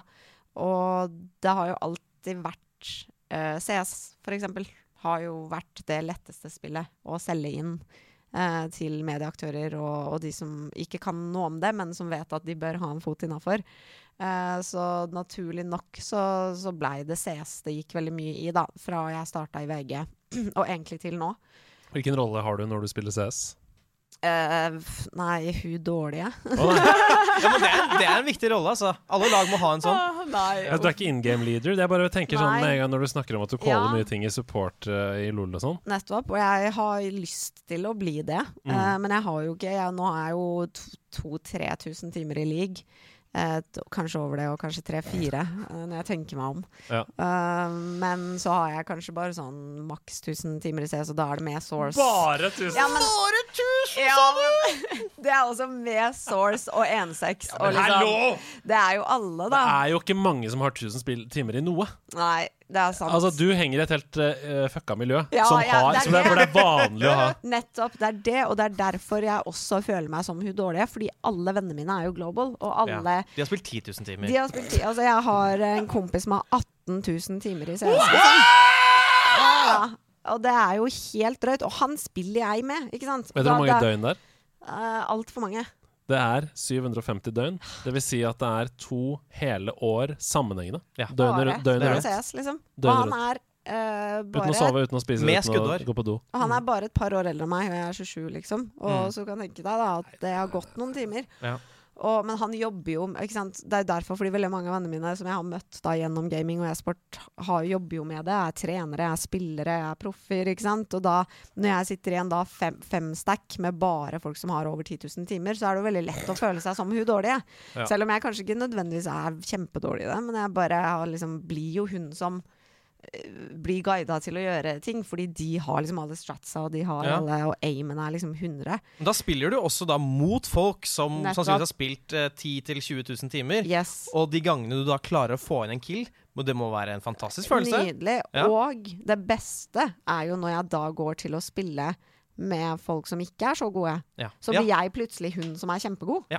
Da er jeg plutselig topfraggeren. Easy mode. Easy mode for meg da, for da spiller vi liksom low divisions og Altså, det, det er litt som eh, de, gangene jeg har uh, starta Smurf-accounts for å spille Overwatch mot nybegynnere. Nettopp. Og det er jo forferdelig å gjøre. Det er jo Ja. så kjipt. Det ødelegger hele, hele liksom deres opplevelse Ja. av spillet blir ødelagt. Men jeg elsker det! Ja, ja. Og jeg gjør det noen ganger hvis jeg har, hvis jeg har spilt liksom veldig mye league og tapt mye, Ja. og er i sånn dårlig mood og bare Nå taper jeg, så tar jeg meg en Smurf-game bare for å føle meg bedre med meg selv, liksom. Ja, Og så kommer det noen som, som nettopp har kjøpt spillet. Ja. Og så gøy spill! Skal kose seg. Hvorfor er det så vanskelig? Jeg skal aldri spille det igjen. Ja, nettopp. Og jeg har jo vært der selv også, da, og møtt en eller annen som jeg bare sånn Han her er ikke Silver, for å si det sånn, liksom. Så nei, men det Ok, men uh, hvis vi spoler fram i tid Vi har fått et ganske godt bilde av hvem du er som gamer, Mhm. hva slags eh, oppvekst du har og sånn. Hva er det du spiller nå om dagen? Altså Når du skal slappe av, når du skal kose deg, hva, hva spiller Ja. du? Nei, altså, jeg, det, det går fortsatt veldig lite i liksom one player-spill. Mm. Uh, under pandemi, Rett før pandemien så fikk jeg jo beta-tilgang til Valorant. Oi, oi. Mm, mm. Og, da, og det var jo så perfekt planlagt. For Ja, det var jo type liksom to dager inn i lockdown én, så kom, fikk jeg liksom nøkkel til å teste betaen. Mm. Og da, da gikk det mange timer, fordi at jeg ehm, som sagt har alltid vært liksom litt sånn ikke hun kjempegod i CS, men har hatt en sånn skikkelig kjærlighet for League of Legends.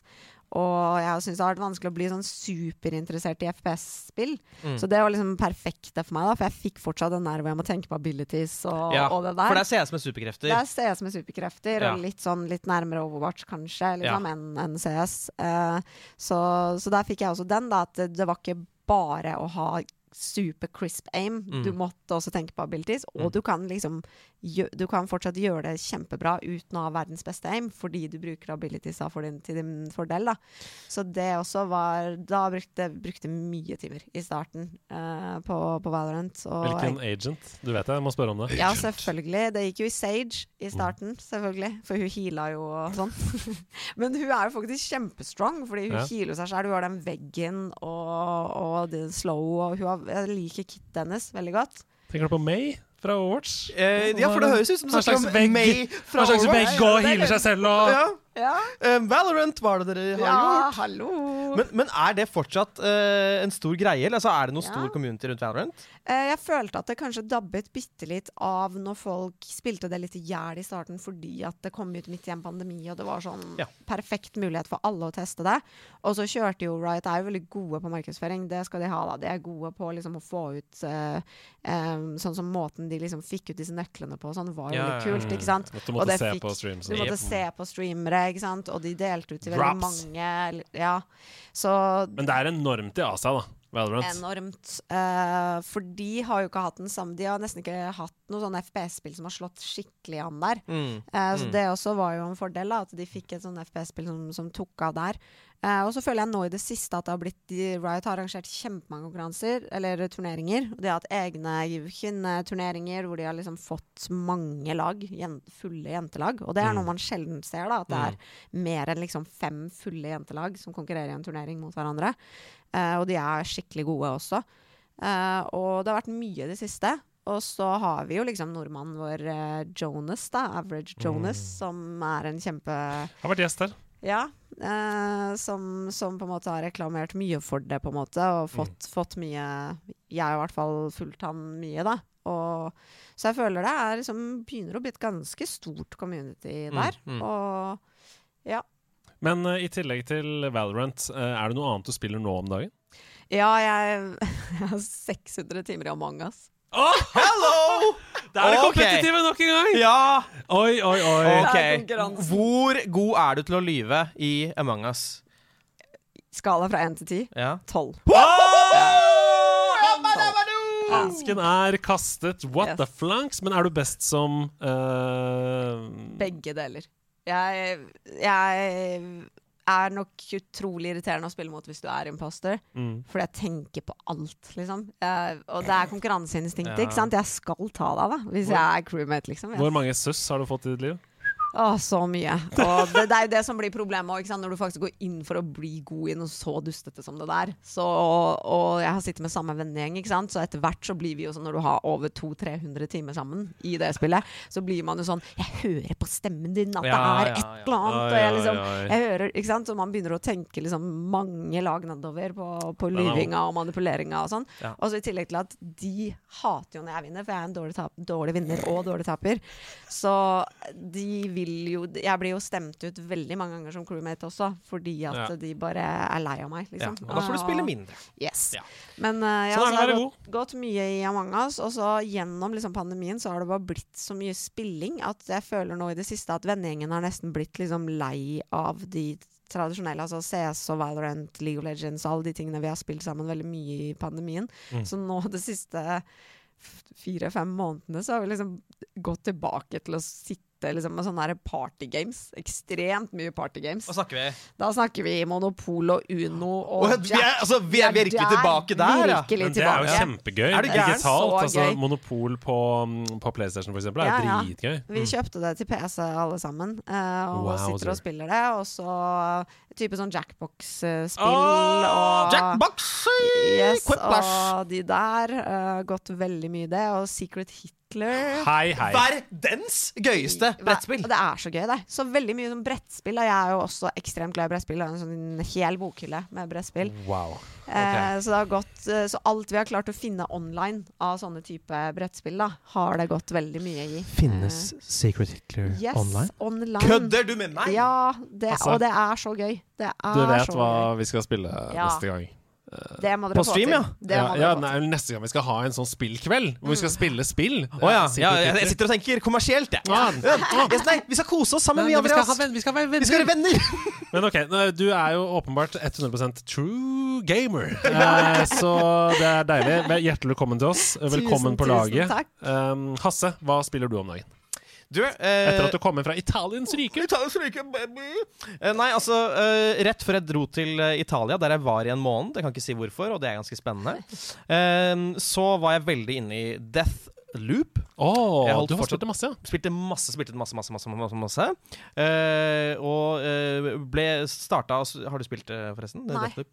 Veldig gøy. Det er single, det er singleplayer, da. Så det er, Ja, det er det, men du, du får inn en kompetativ del, eh, på en måte, der eh, Mm. du kan eh, Fordi det handler om at du er en person som løper rundt, og dagen starter på nytt hele tiden, og så skal Ja. du drepe noen folk. Men du kan også gå inn i andre spill og ødelegge for dem Å, med å være en assassin. Og så er det også en sånn slem dame som dere kommer for å ta deg hele tiden, er det ikke? Ja, det er henne du spiller. Oh, you say. Ja. Så jeg spilte masse det. eh, og så kom jeg hjem, og i Italia så kunne jeg ikke spille noen ting, for jeg glemte å ta med meg min eh, stasjonære PC. eh, sånn som Kjetil Janser ofte gjør når han drar på tur. Um, så nå, prøv, nå har, tenkte jeg å starte opp igjen eh, med det. Men jeg har også spilt veldig mye The Return to the Oberdin. Oi, Doktor Svart-Hvitt. Doktor Svart-Hvitt. Men det er et fantastisk spill. Det For et er kunstverk. et kunstverk av et spill som umiddelbart gikk inn på min topp fem-liste Oi, oi, oi. noensinne. Ok, Da er du nesten nødt til å fortelle i korte trekk hvorfor det er så utrolig bra. Vi har snakka om det i Sidequest, men, Ja. men fortell det gjerne. Ja, bare sånn kort fortalt så er det et spill der du uh, drar til et uh, gammelt uh, et treskip rundt sånn 1750, eh, og der er alle døde. Og det er sånn eh, 100 folk, crewfolk som er døde. Så er din oppgave å finne ut av hvordan de døde. Og du har den evnen at du kan se hva som skjedde det sekundet de døde. Det kan du få da se foran deg, og så må du se på detaljene rundt og titte liksom, prøve å være en slags detektiv og skrive ned i en bok hvordan de døde. Uh, og det er bare noe med hele den stemningen som er der. eh, Den uh, veldig Lovecraftian stemningen med liksom blek, svære blekkspruter og sjødyr og monstre. Uh, musikken som er fantastisk, men også bare den følelsen av å være detektiv, som jeg syns alltid Jeg har alltid hatt lyst til å bli detektiv. Så Ja, Det er helt fantastisk, og det begynner å bli noen år nå, så det kan jo ikke være spesielt dyrt å plukke opp. jeg tror det Jeg mener at det er gratis på uh, Xbox Live Game Ja. Pass. Og det er jo også um, Uh, helt tidløst, fordi grafikken er som den er. Så det er, du kan ikke se at det er gammelt. Altså det er, Nei, det ser ut som et Mac-spill fra 1992, liksom. og det, som er, det er det som er fantastisk. Det er som Undertale. Det er også bra nå, Ja. selv om det ser Deilig. Har du lyst til å legge til noe mer? Eh, bare at uh, jeg er en eh, herlig fyr som liker å kose meg med venner. Eh, hva jeg har spilt sin sist, Ja, jeg du på. Du, jeg har spilt et spill som kommer til å ta mange hundre timer å spille ferdig, eh, og det er Forza Horizon 5. Det har jeg spilt den siste uka. Og apropos det Anmeldelse i nerdelandslaget. Det stemmer, mine damer og herrer. Jeg har levert min første anmeldelse til nerdelandslaget. Og det er Forza Horizon 5 jeg skal snakke om. Gleder du deg? Jeg gleder meg masse til å høre om det. Jeg også. Da bare hører vi på det. Home. The most beautiful place on earth. Where everyone is welcome.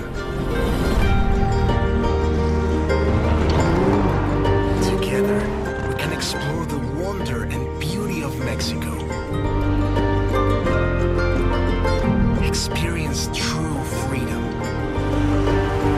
Feel alive. Du vet de gangene du var yngre og oppdaga en spillverden som du falt fullstendig pladask for? De gangene hvor skoletimene gikk altfor sakte fordi du bare ville løpe hjem til en venn for å fortsette å spille, og timene dere spilte spillet etter skolen, fram til middag, gikk altfor fort. Felles for disse spillene det var gjerne levende verdener som boblet over av kreativt overskudd, som fortsatte å overraske deg gjennom hele spillet, og som bød på mestringsfølelse og progresjon ettersom du lærte deg å bruke verktøyene som spillverden presenterte deg. Nøyaktig slik er Forza Horizon 5. Og det er også kjernen i hvorfor det er et av spillhistoriens beste spill. Okay, calm down, bro. Forza Horizon 5 er en arkaderacer satt til en åpen verden. Tenk Need for Speed, Burnout, Paradise eller nettopp Forza Horizon. Playground Games har nemlig gjennom fire spill i Horizon-serien satt bransjestandarden for hva arkaderacing skal være. Det er ikke veldig mange eksempler gjennom tidene på at det neste har vært det beste, men Forza Horizon har blitt litt bedre hver gang, og serien når sitt hittil klareste høydepunkt i dette, nummer fem. Hey, amigo. Haley says she found me a driver, one who's not afraid to dive right in. Have you ever chased after a Mexican dust storm before? No, but I get the feeling I'm about to. Denne gangen befinner vi oss i Mexico, som bokstavelig talt eksploderer i farger, feiring av livet og en oppmerksomhet for detaljer som kan få enhver spillentusiast til å sikle ut av øynene. Det er så uendelig vakker grafikk her, fra naturen til lys, skygger, vann, værsystemer og naturtro bilmodeller, at haka gjennom store deler av spillet er langt ned på knærne. I have so much to show you. Cerros, desiertos, la jungla, pirámides, la belleza de México. Denne verden er også så stor, variert og åpen at det hadde vært helt utmattende dersom spillet ikke var gøy å spille, sånn som f.eks. i Mafia 3. Men her i Horizon 5 så er det en drøm. Jeg elsker hver kvadratmeter av kartet, og jeg elsker å reise rundt for å oppdage enda mer. My friend Carmen is looking to photograph some storms in the area, and she's asked for a driver with strong off road skills. And Alejandra's requested a driver to help her search for a long lost Vocho. We've a bit of time before the next big event, who should we contact first? I Forza Horizon 5 så bygger du deg en karriere som sjåfør. Du vinner, samler på og kjøper deg biler du trenger for å ta del i alle slags mulige kjøreutfordringer. Det er foreløpig 491 biler i spillet. 491! Og de, de bruker du til alt du kan tenke deg. Rally, stuntkjøring, fartsutfordringer, tradisjonell online PVP-racing og historiefortelling fortalt gjennom interaksjonen med menneskene du møter, og landskapene. Alt dette kan du spille alene eller sammen med venner. Small change of plans, my friend. Tell me, have you ever seen an active volcano up close? Meet me at the top of the mountain. You don't want to miss this. Hovedhistorien er delt inn i seks ulike deler, som alle er fantastiske. Du utforsker innsiden av en vulkan på grensen til utbrudd, men du kan ikke være der for lenge pga. varmen. Du kopierer en legendarisk rallysjåførs tidligere rute gjennom et myrlandskap, og du holder pusten og sitter ytterst på setet i et heseblesende gateløp som på tolv intense minutter tar deg rundt nesten hele kartet i en gjennomsnittshastighet på 280 km i timen. Forza Horizon 5 er fantastisk i de regisserte opplevelsene, men om mulig enda bedre når spillet gir deg frihet. Friend? Horizon brings it out in all of us. Good luck! Forza Horizon 5 gir deg nemlig insentiver for å utforske. For hver gang du finner en ny vei, så får du XP og beskjed om at du har oppdaget noe nytt. Du kan finne skjulte biler i låver plassert rundt omkring, og det er biler du kun kan få tak i ved å utforske. Du får komboer av å ta en snarvei over et jorde eller gjennom en skog, du får ekstrapoeng for å hoppe langt eller drifte perfekt gjennom svinger. Alt i Forza Horizon 5 er bygget rundt å belønne deg for å ha det gøy, og det er ingen dårlig idé. Dette fokuset gjør seg gjeldende i eksempelvis en idé som er så enkel og samtidig så genial. Å sette et punkt på den ene siden av kartet og be deg som spiller komme seg dit før tiden løper ut. Spillet setter ingen begrensninger og gir deg med andre ord alle verktøyene, lener seg tilbake og lar deg ha det gøy. Best idea ever.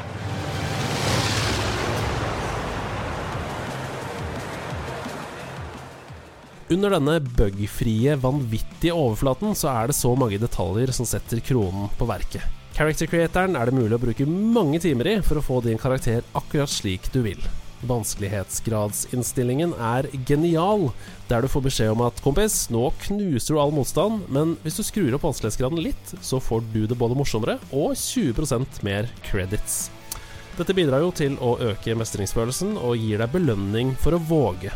Men du kan når som helst skru den ned igjen hvis du bare vil kose deg og vinne med lave skuldre. When you step on it, you step on it, my friend. Det er til enhver tid ekstremt enkelt å bytte bil kun med et par tastetrykk i menyen. Du trenger ikke kjøre til en garasje eller vente på lange loadingtider. Og hva gjelder fast travel rundt i denne enorme verden, så er det mulig å skaffe seg muligheten til å gratis, altså uten bruk av credits, fast travele hvor som helst rundt på kartet etter hvert som du progresserer i spillet. Jeg skal ikke spoile hvordan, men det har jeg personlig aldri brukt. Det er rett og slett altfor gøy å kjøre fritt i 300 km i timen uansett hvor jeg skal. Det er mulig dette endrer seg når jeg nærmer meg 200 timer inn i spillet og skal gjøre spesifikke ting for å platte det, så at muligheten er der, er uansett fint. Og apropos 200 timer og levetid. Det er helt åpenbart at både Microsoft og Playground har laget et spill som skal leve som en plattform i lang tid framover. Her er det ulike sesonger med ulikt innhold og tydelig hint til utvidelser som vil komme etter hvert som tiden går. Ikke at det er noe du kommer til å tenke over, for jeg har sjelden opplevd mer verdi for pengene i et spill. Det er så mye bra innhold her. Det er det selv om du kjøper det til full pris, men hvis du tenker på det som inkludert i Microsoft sin GamePass-tjeneste, så er det helt uslåelig. Hey, champion. This is the festival playlist. It's a year round guide to new events and exclusive rewards at Horizon Mexico. So make sure you check back each season to see what's on. Det er et par mikroting å sette fingeren på, som at det kunne vært enda flere radiokanaler med musikk, og at interaksjonen mellom karakterene du møter i spillet noen ganger kan være litt stiv og keitete, men det føles ubeskrivelig bortskjemt ut å skulle klage over dette i en totalpakke som er så magisk. Jeg kommer til å spille Forza Horizon 5 til jeg blir blå i fjeset, og det burde du også. a night. But for some, the party keeps on going. This Horizon Parade float is fast. Almost as fast as the handsome young man at the fiesta last night who said hola and then ran off. He remembers me! He remembers me! Did you hear that?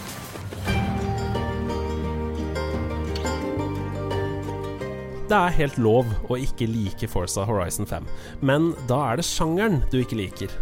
For dette er nemlig det beste arkadebilspillet som er laget, og dermed er det også et av spillhistoriens beste spill. Punktum. Forza Horizon 5 får 100 av 100 hedermenn, og seiler opp som en soleklar kandidat til Game of the Year. Gratulerer, og tusen takk.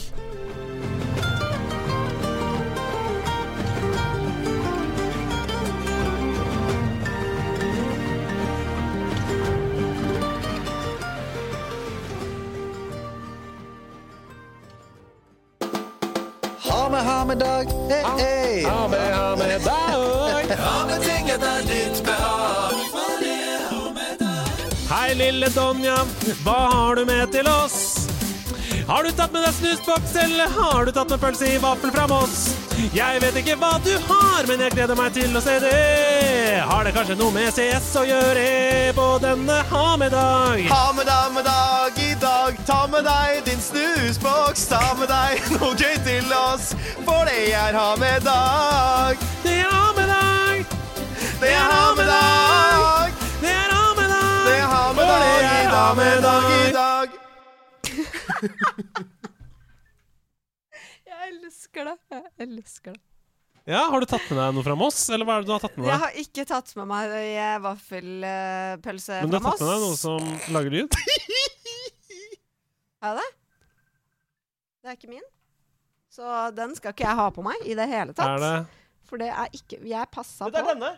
Ikke den der sin. Ja, det er min, ja! Ikke sant. Andreas! Ikke sant. Dette skal du få så mye tyd for i Men det lå på din pult. Ikke, jeg passa faktisk på Når jeg gikk Ja. på do i stad, så satt jeg på ikke bare lydløs, men altså helt vibrasjonsløs. Jeg tenker på det er bare klassisk eh, hvordan man skal oppføre seg i en podkast. Ja. Hva har du tatt med deg? Jo, eh, jeg hadde jo egentlig tenkt til å ta med meg den der, for jeg fikk en sånn liten poro da jeg var på den Danvik-turen, som jeg fikk underskrevet av alle TSM-medlemmene. Ok. Eh, så den hadde jeg tenkt å ta med, men jeg er midt i flytting, eh, så jeg fant den ikke. Eh, så, men eh, det kan hende at jeg hadde bytta det ut til dette her uansett i løpet av helga, fordi jeg har jo opplevd en del ting i løpet av helga. Um, så jeg har tatt med meg en eh, drakt. Oi! Wow! Det er en Navi-drakt, er det det? Det er en Navi-drakt. Men, men historien er eh, enda bedre Jeg må enn bare si først at- en Navi-drakt. Fordi Navi vant jo, da. Yes. Hele majoren. De, de er det beste CS-laget i verden Mhm. akkurat nå. Og jeg har jo vært så heldig at jeg har fått uh, intervjuet disse spillerne en del ganger. Uh, jeg har intervjuet de på mange turneringer. Det er signert. Uh, yes. jeg har, um, har intervjua de på, på mange turneringer og fått et liksom spes liksom sånn spesielt forhold til Simple etter disse intervjuene, som da er verdens desidert beste spiller, og som kommer til å gå ned i historiebøkene som en av de beste som noen gang har tatt eh, i CS. Um, og det beviste han under den majoren her. Um, og så denne drakta her uh, fikk jeg av han. Um, etter første, mitt aller første intervju med han. Uh, og det var egentlig veldig random. Eh, han, eh, vi bare viba, liksom, når vi intervjua. Kom go godt overens. Eh, og så etter turneringen så kommer han liksom bort etter siste intervjuet og bare 'Vil du ha den her?' Og jeg var bare sånn Herregud, ja. ja. Hva med ja? Eh, så denne tok jeg jo med meg nå på major, fordi dette er den første turneringen jeg er på som jeg ikke jobber på. Ja. Og jeg har jo prøvd å liksom være litt nøytral, da, og være litt sånn ikke ta, komme med drakten eller jeg liksom skal få Ja, ja, ja. intervjue noen. Så jeg har jo aldri gått liksom vist på en måte hvem jeg heier på før nå, for nå kunne jeg det. Og da, jeg, som den fangirlen jeg er, tenkte jeg den drakta må jeg ha på meg, for jeg vet at Navi Eller jeg ganske sikker på at Navi kommer langt, og at de kommer til finalen, og da er det kult å stå i den drakta. Um, og så møtte jeg jo han etterpå, uh, etter uh, uh, majoren. eh, og var på, var da på etterfest, da, vet du. Nachspiel! Ja, Her, er det Connections in the connections. Så jeg var jo da på etterfest med han, og da husket han meg. Eh, og det, var, det er ikke noe jeg forventer, for jeg forventer, altså, det her er verdens beste spillere. De blir Mm, på daglig basis og er med på medieting her og der hele tiden. Mm. Og nå har det jo gått halvannet to år siden sist vi møttes, og siden sist jeg hadde noe med det å gjøre. Så, um, men han husket meg, og han kom bort og klemte meg og hele pakka, liksom. Og jeg var sånn Herregud, major-vinneren kommer og klemmer Mm. Major-MVP-en kommer og klemmer meg og husker meg, liksom. Helt drøyt. Og da ehm, sa jeg til han at eh, du husker den drakta du ga meg, eh, som han da hadde underskrevet. Du ser det litt sånn her. Ja. Ikke sant? Og det jeg har gjort, da, eh, som var litt dumt, for jeg hadde to Navi-drakter. Den ene var underskrevet, og den andre var ikke det. Jeg putta feil i vaskemaskinen. Nei! Jeg blir gal! Ja, ja, ikke sant? Jeg begynte jo nesten å gråte når jeg innså det her. For jeg, jeg gjorde det midt i flyttinga, for jeg måtte bare flytte, og så måtte jeg pakke for å dra til Stockholm med Du hadde gamecuben i den ene hånda. Yes. Yes, og Det var gamecuben som ble passa mest på, da, så jeg glemte litt alt annet. Du burde heller liksom. vasket gamecuben. Nettopp. Det er Ja. den jeg burde tatt i vaskemaskinen. Ja. Nei, så det sa jeg til han. At altså, Vet du hva jeg klarte å gjøre? Jeg klarte å vaske bort. Og han bare sånn Herregud, få han hit. Ja, for han hadde flere underskrifter inni seg. Han hadde flere underskrifter inni seg. Og da hadde jeg jo også bare hans underskrift. Ja. Mens denne gangen så fikk jeg jo faktisk alle.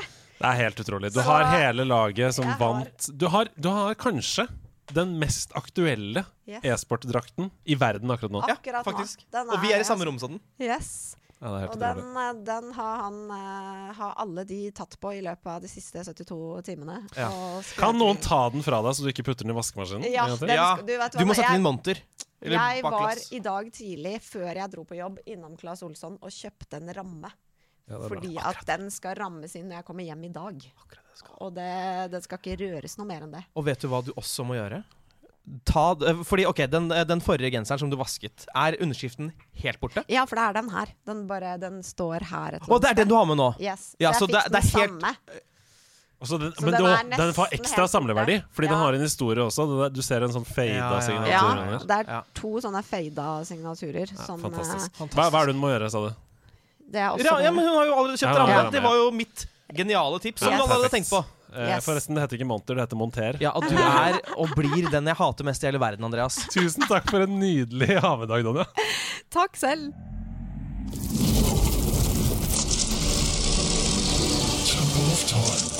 Dere hører lyden av Temple of Time fra Ocarina of Time, og vi er dypt inne i eh, konkurransemodus, for nå går rett og slett eh, porten ned, akkurat som i Fort Boyard eh, på Fangene på fortet. Eh, her skal vi konkurrere til døden eh, i løpet av sesongen. Temple of Time er altså en spalte der du har tatt med deg tittelen på, på et spill, så du skal inn, liksom, bare si til en av oss, og så skal vi droppe så mye fakta vi kan om det spillet i løpet av 60 sekunder. eh, on the spot. Eh, Ja. På slutten av sesongen så, så gir da de andre eh, en score fra 0 til 100, og på slutten av sesongen så eh, hyller vi den programlederen som har høyest antall gjennomsnittlig score, eller altså Sandkorn i timeglasset sitt, som vi Yes. pleier å si her i Temple of Time. Så først og fremst, ikke, ikke røp spillet, men hvem er det du har tenkt å utfordre? Nei, ja, skulle vi tatt inkognito-mannen, da? Sånn at han får kjørt seg litt? Han har jo ah, nesten aldri vært der. Det må være Hassi. Ja. Incogn Hassolito. Ja. Ja. Ha, yes, jeg slipper! Jeg elsker å se følgene. Ta det helt med ro. Dette har jeg venta på hele livet. Ja. Åh, dette er ditt moment to shine, my friend. Ja. Ok, Da kommer jeg bare til å starte tracket her. Og med en gang du hører en lyd, altså ikke en tone, men med en gang du hører en lyd, så må du bare si tittelen på spillet. Okay. Fordi eh, sånn er eh, livet. Okay. Ok, er dere klare? Ja. Ja. SSX Tricky. SSX Tricky er et spill som kom ut til til PS2, GameCube og, masse, og flere andre konsoller. Det kom ut i eh, 2002! Og det er et spill der du spiller en rekke spillere som har på seg klær og eh, kjører nedover bakken, og de gjør triks og har et meter på siden som har fargene gul, grønn og rød. Og du lader opp et meter på siden der som du kan da bruke når du er oppe i luften og gjør masse syke triks. Og samtidig så har de kjøpt lisensene til masse kule sanger som man hører på når man liker å stå på snowboard. Som eh, for eksempel hiphop-sanger og rockesanger og andre ting som det der. Og du kan unlocke karakterer i spillet. Det er litt som et Tekken-spill, bare i snowboard-form. SSX Tricky har kommet i flere utgaver. Du har SSX Tricky, du har SSX Tricky 2, du SSX Tricky 3. Og så er det en stund siden det har kommet et nytt SSX Tricky-spill. Og det er veldig gøy spill. Og det er veldig kult. det er et kult spill. Um, og det er uh, du, kan, du kan spille som en karakter som heter Mashman. Og du kan Ja. ja, dette var gøy. Dette var gøy. Dette var Her, gøy. um, her er Hasse god. Ok, Skal vi da trekke oss tilbake litt på juryrommet her og snakke? Jeg skal ikke høre på dere. Nei, du, nei ikke hør på. Nei. Okay. Uh, skru av ørene. skru av, skru av ørene. Um, Mashband er jo ingen karakter. Nei. Du har Mac, er vel Ja, kanskje en Mac karakter? jeg synes er en karakter. Eller Ja. Max. Mac Mac, eller Max. Mac eller Max, ja. Ja. Men det var, altså, han sa jo 2002. Det kom november 2001, så det er Ja, nære. det er Veldig, veldig nære. Det er nærme. Eh, Det finnes ikke noe Tricky 2 og Tricky 3. Nei. Eh, Men han sa GameCube, uh, PlayStation Det var riktig. Det var PlayStation 2 og PlayStation 2 GameCube. så og riktig. så- ja. ja. Eh, men jeg syns jo han var god her. da Han snakket om meteret, rødt, gult og Ja, grønt. ja. Um, Flere baner. Man kan unlocke characters, sa han. som kan ha på uh, forskjellige klær. Ja, det var kanskje fordi jeg sa det i stad. Ja. Nei, jeg hørte akkurat den settingen hørte jeg ikke du sa. Nei, så det var bare bra. mitt eget hode. Ok, bra, bra. Okay. Men det er jo også sånn, det skal sies da i denne spaten, at vi, vi belønner jo også god improvisasjon. Det må sies, for Hvis man ikke kan noen spille, så må man også kunne få poeng her. Men ikke sant, hva, som bare rent sånn intuitivt, hva syns du om denne opptreden? Hva savna du her? Um, det skal ikke stå på engasjementet, i hvert fall. Okay. Og f eh, eh, fremførelsen er jo eh, nydelig. Eh, litt faktafeil, men Master Mash? eh, ja, eh, var litt kanskje out there. Men, men sånn alt i alt syns jeg det var ganske imponerende, altså. Mm. For å være ærlig. Det er helt umulig å gjøre denne konkurransen på en måte eh, Hva skal jeg si eh, eh, objektive regler for alle Ja. som er med her inne. Men du kan jo bare 0 til 100. Hva kjenner du som, som score her? Ehm, skulle vi gitt en eh, Jeg vet jo ikke hva dere har liksom Nei, lagt og det er derfor det er helt umulig, Ja. så du må bare følge hvis jeg hjertet ditt. skulle, øh, 78,5. 78! Den er fin. Jeg, Ja, altså jeg, altså, jeg er jeg, fornøyd. før jeg kom hit, så var jeg, jeg tenkte jeg skal være fornøyd med alt over 77,5. Ja. Og nå fikk jeg 78! Ja. Men jeg skal jo også gi en score, så det ja. blir jo da en, en gjennomsnittlig gjennomsnitt. score. Jeg savner jo utgiver her. Jeg savner eh, ja, oh. selskap som har lagd det.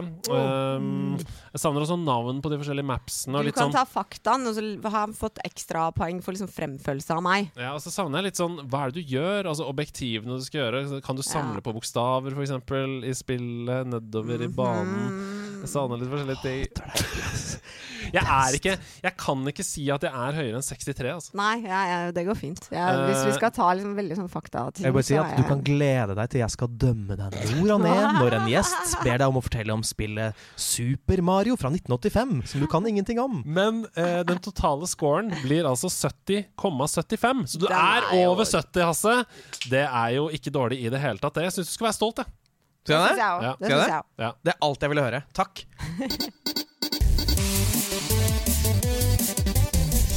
Do you like to play with fire? Yes, I do. Mitt navn er Andreas Hedemann, og dette er Nerdenytt. Som et ledd i den kinesiske regjeringens kamp mot spillavhengighet, som de åpenbart ser på som den største utfordringen Kina har, stenger Fortnite på ubestemt tid den 15. november. Det spekuleres i at PUBG er neste spill på lista, og da begynner vi å snakke om et alvorlig angrep på spillkultur, men ikke minst e-sport fra de kinesiske styresmaktene. Xi Jinping-administrasjonen har også stoppet tillatelse av alle nye online-spill etter et møte med Tencent tidligere i år. Kina fortalte Tencent at deres utelukkende fokus på profitt via mikrotransaksjoner måtte opphøre, og at alle godkjenninger for online-spill vil bli fryst inntil videre. Og dette er jo isolert sett bra, men det spørs om målet helliggjør midlene, for nå har det nemlig gått tre måneder siden sperren ble iverksatt, og Kina har godkjent totalt null nye spill siden den gang. Jen O'Neill, tidligere sjef i Vicarious Visions, forlater rollen i Blizzard som co-leader, en rolle hun begynte i for under tre måneder siden, sammen med Mike Ybarra. Ybarra blir nå daglig leder for Blizzard alene.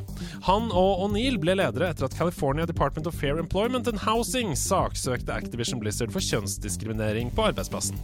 I sitt avskjedsbrev så skriver Jen O'Neill at hun forlater selskapet for å fokusere energien sin på prosjekter som styrker kvinner i spillindustrien, og det er vel ikke akkurat et godt skussmål til Blizzard, ettersom det utvilsomt ville vært mulig å bedre forholdene for kvinner i spillbransjen som leder for et av verdens største spillselskaper. Det er aldri et godt tegn når den som settes ansvarlig for å rydde opp i rotet, bestemmer seg for at rotet er for stort til å rydde opp. Vi håper Blizzard ordner opp og kommer seg ut av denne søla før det er for sent. Torsdag i forrige uke fikk vi se 15 minutter gameplay av Elden Ring. FromSoft-eventyret som kommer på nyåret til Xbox, PlayStation og PC. Til ingens overraskelse så ser det helt amazing ut, men til noens overraskelse så ser det ut som det er et mer lekent univers med mer humør enn tradisjonelle FromSoft-spill, som favoriserer kreativ oppgaveløsning her og der, og ikke minst observasjon av slagmarken og planlegging av kamper i større grad enn eksempelvis Demon Souls kunne by på da det kom for ett år siden til PlayStation 5.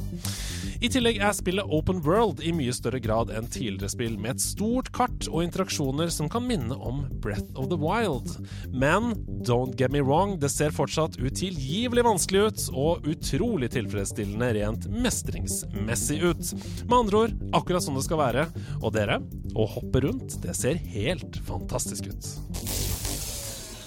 Ok, eh, så er det ukens hovedsak, da, dere, og det handler om e-sport. Eh, For CS-majoren som jeg snakket om i Stockholm, den ble jo avslutta i helgen. Og Navi de ble mestere etter en nervepinnefinale finale mot G2. Um, antall seere piket på 2,7 millioner, Uh, og kampen ble med det historiens mest sette CS-kamp.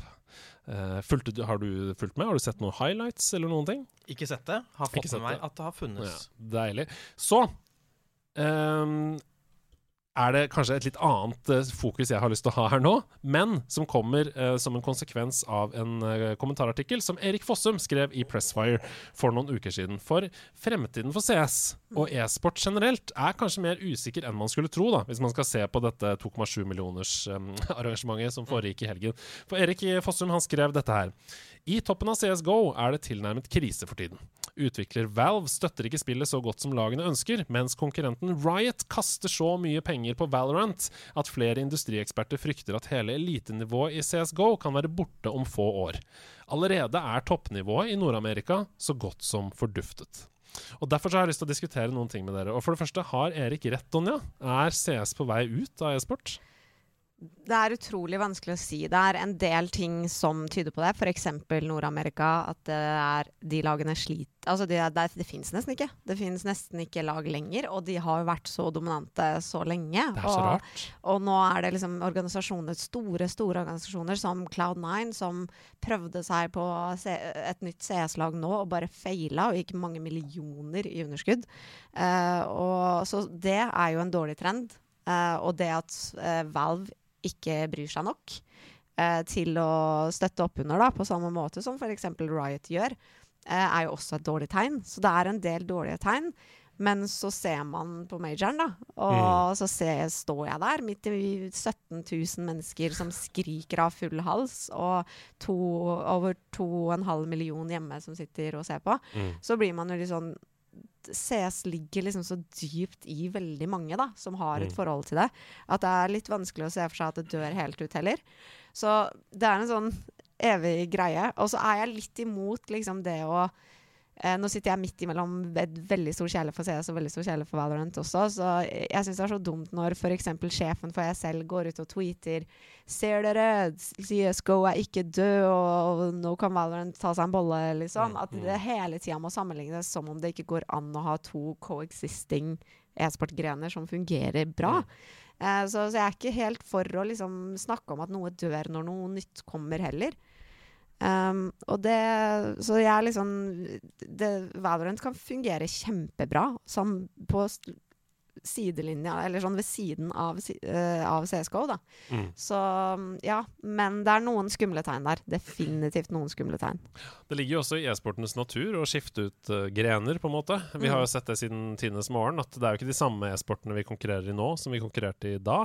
Um, men, um, men ja, hva tror du er grunnen da til at CS har slitt sånn i Nord-Amerika? Nei, jeg tror det kommer veldig mye av at Altså, veldig mange av de nordamerikanske CS-spillerne har gått over til Valorant, som også blir grunn til at man sammenligner det. ikke sant? Blir grunn til at man blir sånn å, The Valorant er retirement home eh, for de som ikke er bra nok i CS. De går Ja, over dit. Og liksom, det er mye sånt, da, og det gjør også at man sidestiller de veldig. Um, så spesielt i Nord-Amerika så har veldig mange av proffspillerne som spilte for Team Liquid og de store liksom, organisasjonene, har gått over til, til Valorant. Mm. Um, og så har det bare vært at tilbudet har ikke vært bra nok. Um, og under pandemien, selvfølgelig. Så når det bare var online CS i så lenge, så tjener de jo ikke akkurat noe penger på det. Nei? Og da har det også gått dårlig, da. Ja, med, dårlig mange, timing, ja. yes, ma Men- med mange av klubbene. Men altså, jeg bare lurer på For jeg, jeg er ikke så, så inne i spillet, men jeg kjenner veldig godt til spillene og, er veldig glad i dem, så er jeg ikke så inne i, i, i denne delen av e-sport. Men uh, hva er det på en måte Valve Altså fordi CS er, er, det er det eneste liksom, Valve-spillet som har hatt en stor e-sport eh, liksom. Dota? Du Ja, faen. Dota, selvfølgelig, ja. Ja. Mm.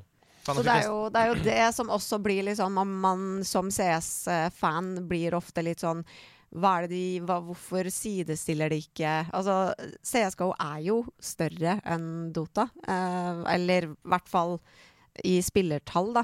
Eh, og ofte så legger de jo mye mer i The International enn Mm. de gjør i en CSGO Major, liksom. Mm. Eh, så det har jo også vært litt sånn hva, Hvor er fokuspoengene deres? Så mye sånn meme som at Valve hater CS og egentlig bare Mm. har, har egentlig ikke lyst til å ha noe med det å gjøre, liksom. For det er litt sånn det virker, da. At uh, man Det føles som om de ikke bryr seg like mye som de gjør, eh, gjør eh, Dota, da. Mm. Men hva, er, hva tenker du er fremtiden for e-sport? Uh, det er et kjempestort spørsmål, selvfølgelig. Uh, men bare sånn i korte trekk. Og, og ikke minst, kanskje det jeg vil ha aller mest svar på, er e-sport levedyktig i Norge? Eller må alle som skal lykkes, satse internasjonalt? Mm, ok, For å ta det første først. fremtiden til e-sport tror jeg Jeg tror vi må på en måte roe oss litt ned med hvor mye vi hyper det opp. Jeg tror det er egentlig med på å dra det litt ned. At vi, tilbake? Ja. Nettopp. At vi Jeg hører jo ofte liksom i investormøter eller liksom folk som skal selge det inn, da, at man bruker liksom koreanske tall, og man bruker liksom tall som egentlig er helt usannsynlige. Ja, og, Og da, da- blir forventningene Da ikke blir forventningene Mm. også, ikke sant. Så da er det plutselig sponsorer som blir skuffa, for at ikke 200 millioner ser på CS-finalen. Kiwi. Nettopp. Ja, ikke sant. Eller ser på liksom Telialigaen, eh, som jeg jobber med. Mm. Um, Jeg tenkte at Kiwi forventa 200 millioner ja, nettopp. kunder. Det er det jeg mener. liksom. At, at liksom eksempel Telia skulle blitt skuffa for at ikke Telialigaen har liksom eh, Det er koreanske 2,5 millioner ja. Ja, i ja, ja. Norge. Mm. Eh, og så det har vært veldig viktig for meg. Og i, når jeg snakker med folk, så vil jeg være ærlig. Jeg vil si at eh, e-sport er ikke stort i Norge. Det er ikke en sånn ting som alle vet hva er, og alle følger med på. og Folk kan navnet på lag og spillere. Mens i Korea så er jo de spillerne kjendiser. De er jo liksom Mm. de største stjernene. Og vi har en kjempelang vei å gå. Den må trås opp sakte. Det, Mm. det er ikke noe vits i å rushe det, for da er du med på å liksom drepe det litt også. Så jeg har vært veldig redd for det. Det er den første personen jeg har hørt som jobber med e-sport, som har sagt det. Mm. Mm. Og nå har jeg jobba med e-sport siden februar 2020, og det er veldig mye ja-mennesker i denne bransjen overalt. Og jeg er helt enig med deg, jeg tror kanskje det spenner bein mer enn det gjør godt. Ja, ja. Man og, ja. Og det er ingenting hjertet mitt vil mer enn at e-sport skal vokse og bli stort og, og rikt, og at uh, kvinner og menn på 40-50 skal ha et like uh, varmt forhold til Hunter Race som de har til Marit Bjørgen. Mm, på en måte. Det er mm. ingenting jeg heller vil. Men jeg tror nettopp. kanskje ikke Jeg tror veien å gå er å forventningsstyre. Ja. Hvor mange, liksom hvis man, altså dette er jo selvfølgelig, Man har kanskje ikke tall på det her fordi Statistisk sentralbyrå ikke lager undersøkelser Nei. på det. Men, liksom, men uh, av liksom folk som ser på seg selv som gamere, hvor mange av dem tror du eh, følge med på e-sport? Nei, det er jo liksom den veien som må gås opp først i Norge, da. Er at vi må liksom gjøre det eh, lett å gå fra å være en gamer til også å ville se e-sport. Og da har jo Vi har jo ikke hatt noe særlig tilbud på å kunne se e-sport i Mm. Norge. Da har det alltid vært at man går til Twitch. Og det, er, det gjør det jo også vanskelig for meg som har prøvd å få dette på TV i noen år, at folk har en sånn annen forventning til hvordan det skal se ut, for de er så vant til at det går på Twitch, og det er på engelsk, Mm. og det er liksom alle de tinga må jobbes med. Man må jobbe inn kommentatorer som blir liksom de som folk vil skal kommentere. For nå Mm. er det veldig vanskelig å få dem til å ville høre på det på norsk og alt det der. Ja, At du får liksom en e-sportens Arne Skeie, Nettopp. liksom. Du Ja. må få en sånn en. Og så må Mm. vi få en e-sportens Magnus Carlsen, typ. Ja, ja. Ikke sant? Som er liksom verdens beste, som gjør at casual gamers eller eh, nordmenn bare har lyst til å heie bare fordi han er norsk, liksom. Eller Ja, bare ja. fordi det er et norsk lag som gjør det bra. Eh, den må vi få, for da Det ser man i Danmark, f.eks., med CS-laget Astralis. De hadde en sånn kjempedominant femårsperiode hvor de vant alt som kunne krype og gå av turneringer. Og da plutselig er det 400 000 i Danmark som ser på TV2 når de Mm. spiller kamp. Tenk på det. Det er fantastisk. Og det er jo også grunnen til at TV2 Norge hadde lyst til å satse på det. For de så disse tallene fra TV2 Danmark og tenkte OK, i Norge. ok, her er det noe, liksom. Nei, jeg er veldig glad for at vi har deg i kjernen av dette, Donja. Uh, det ble jeg veldig rolig av å tenke på, så det er jeg glad for. Do you like to play with fire? I don't know, sire. Mitt navn er Andreas Hedemann, og dette var Nerdenytt. Anmeldelse i nerdelandslaget. Hæ?! What? Hæ? Dette var jo i stad! Hæ, men det var jo anmeldelse i stad, Andreas! Men det var jo anmeldelse i stad! Hva skjer nå? Vi har flere anmeldelser! For Ida Horpestad hun har spilt Flåklypa Grand Prix. Gøy! Og her kommer epledommen. Åh, nå er det lenge siden jeg har vært på Flåklypatoppen og møtt Solan og Ludvig og Hei! Hei! Solan, er det deg? Men, men det kan jo bare bety én ting, eller drømmer jeg nå?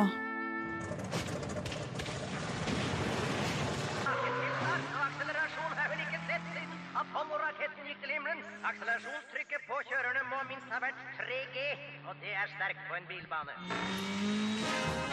Det stemmer. Endelig er ventetida over, og du kan igjen glede deg til å hjelpe Reodor-felgen med å bygge Il Tempo Gigante på Flåklypa-toppen, og selvfølgelig det ultimate målet vinne Flåklypa Grand Prix. Mitt navn er Ida, og jeg er en av de heldige som har fått teste denne remaken av eh, spillet som kom ut i 2000 på PC. Det er Ravn Studios som står bak denne remaken av det fantastiske spillet som ble både en bestselger og en slags kultklassiker blant oss som har en forkjærlighet for karakterene fra Flåklypa. Spillet har en historiemodus, og der kan du oppdage de forskjellige scenene i spillet, med cutscenes fra spillefilmen med samme navn. Du kan som nevnt finne bildeler, men også puslespill og andre minispill. Når du har samla nok bildeler, kan du kjøre om kapp med Blodstrupmoen og til slutt ta din plass øverst på podiet. Som en ivrig postsorterer og eplesanker har jeg hatt store forventninger til denne nyutgivelsen. Men leverer det? Det første jeg biter meg merke i, er tempoet i spillet. Det føles litt treigt, med mange små animasjoner uten egentlig noe annet poeng enn å være sjarmerende. På den andre siden så er det sjarmerende. Den indre konflikten starter altså tidlig. Det tok meg under en time å spille gjennom historiemodusen. Uh, og la oss være ærlig, da, da sitter du igjen med egentlig en samling minispill i flåklippa-format, og ikke stort mer. Allikevel så er det jo nettopp disse minispillene som jeg har brukt så uendelig mange timer på tidligere. De er færre enn i originalen, men i ny og bedre drakt. De har fått seg en overhaling på Reodors verksted og ser nå utrolig mye bedre ut. En av klassikerne, Solans eplehøst, har fått en mye mer visuell dybde, og eplepaiene, de vil gi deg vann i munnen. Min ultimate favoritt, Solans postsortering, var et lykkelig gjensyn. Her skal du sortere post fra alle verdens land i tilhørende sekker, men pass opp! For hvis du ikke er rask nok, så kommer det til å hope seg opp på rullebanene med sekker, og alarmen vil gå, og du får eh, vet ikke jeg, sparken. Men heldigvis så er det en ny sjanse å få. I hvert fall på Flåklypa. Og heldigvis så gjaldt det også for mopedspillet, som jeg har savna. I den forrige remaken av spillet, som ble laga til Nintendo DS, så var ikke det mopedspillet med, og jeg har åh, savna det. Og selv om det er godt med et gjensyn med gamle favoritter, så dra meg baklengs inn i fuglekassa.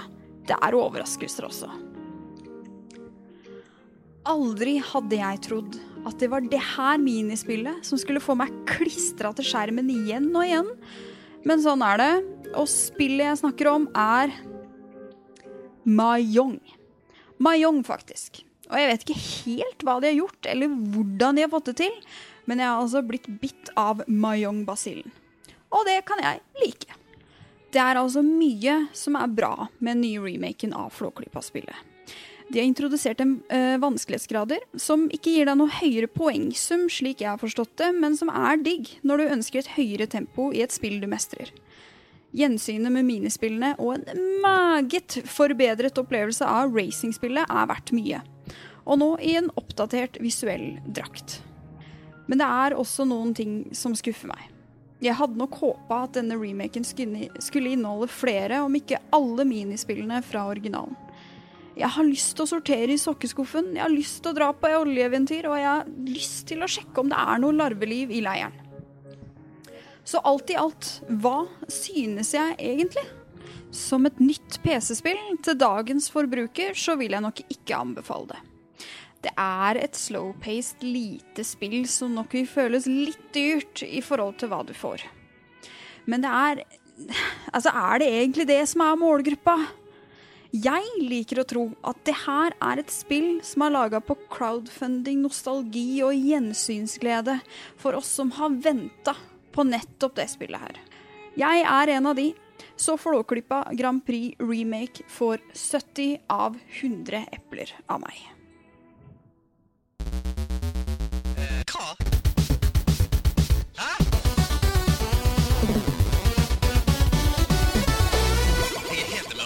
Ok, spenn på dere boksehanskene. Ikke boskehanskene, det er ikke noe som heter det. Boksehanskene, for nå er det duell! I will crush you. Og du er jo en av de mest kompetitive gjestene vi har hatt noen gang, så dette kan bli stygt. Dette kan bli slekt. I Bit for bit så har noen av de fantastiske gjestene i nærlandslaget um, eh, Ikke gjestene, kanskje, men spillerne på nærlandslaget. De har funnet ut at gamle spillmusikklåter Det var ikke sånn at uh, spillet spilte av tracket som helhet. Det spilte av ett og ett ledd. Sånn at eh, det var Basstromma var ett spor, um, gitaren var et annet spor, uh, og piano var et annet spor. Ja. Og så sa spillet til koden Spill av alle disse på likt. Ja. Og når du da går inn i koden, så kan du finne kun isolert sett basstrommesporet. Ikke sant? Så i Bit for bit så spiller vi av litt av et musikkstykke, og dere må rope navnet deres når dere vet hvilket spill det er vi skal fram til. Det er delt inn i tre ledd, og dere får flere poeng jo tidligere dere klarer det. Som i det ikke ukjente norske TV-programmet Beat for beat. Er det det det er et ordspill på? Ja, der er dere gode. Hvor god er du på å gjenkjenne basslinjer, Jonja? Kjempedårlig på å gjenkjenne musikk generelt. Jeg kan liksom høre sang fra favorittartisten min, og så tar det meg 30 sekunder før jeg innser hvem det er. for meg. Og jeg hater å tape, så da, dette blir Det kan bli stygt resten av podkasten, dere. Men her kommer første ledd. Husk å rope navnet når dere vet hvilket spill vi skal fram til.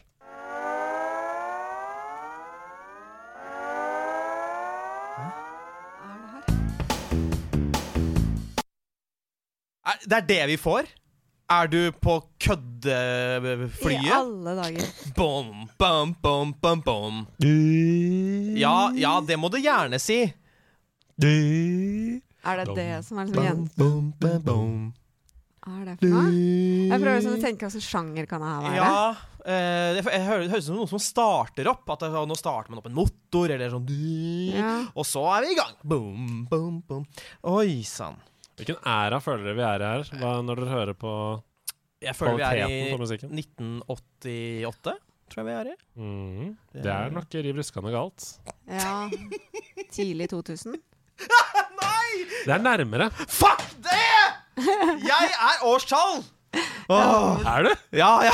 Det er nærmere. Det er ikke tidlig 2000, men det er, det er i hugget der. I hugget. I hugget.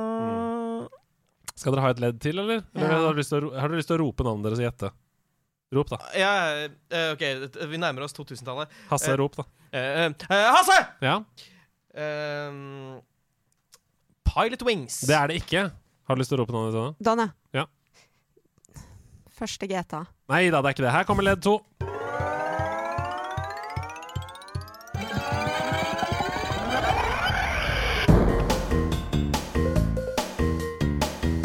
Jeg bare flau, liksom. For Ja, men ja, jeg synes også at det er veldig flaut. Det sitter noen der som hører på og tenker sånn Ja. Alle dager, kom igjen, da.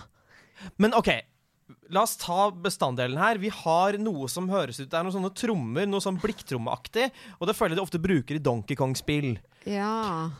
Men altså, forrige episode så var det Diddy Kong Racing som var svaret, så det kan ikke være Diddy Kong Racing igjen. Det er på sånn strategitenking her borte. Ja.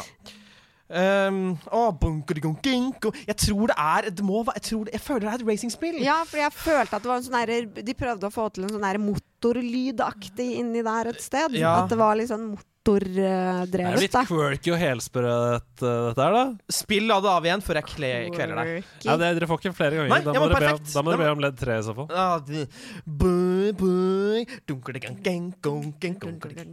Ja, det er helt Um, riktig sunget. Ja, det er det ingen tvil om. Jeg gjengir musikk veldig godt. Åh, det er quirky. Han har prøvd å gi oss et hint der. Det er quirky. Quirky og vi- litt crazy. sa Og du sa 2000, så sa han nei, det er like før det. Og da snakker vi jo eh, PlayStation 1 og Nintendo 64. Ja. Så det er jo liksom før min tid, da. Ja.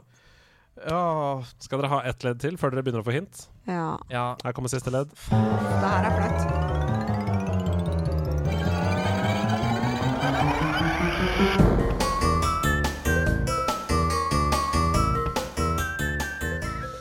Bare lei jeg det spille i bakgrunnen. OK, men Jeg kan jo si at um, i denne spillserien så har det også kommet et racingspill. Eller to. Men det er ikke det denne figuren er mest kjent for. Oi. Du, jeg tror jeg begynner å få en hunch. Ja. Eh, fordi eh, jeg føler at det de prøver å lage her, er en litt sånn eksotisk eh, musikk-vibe. Eh, og at vi er i en jungel.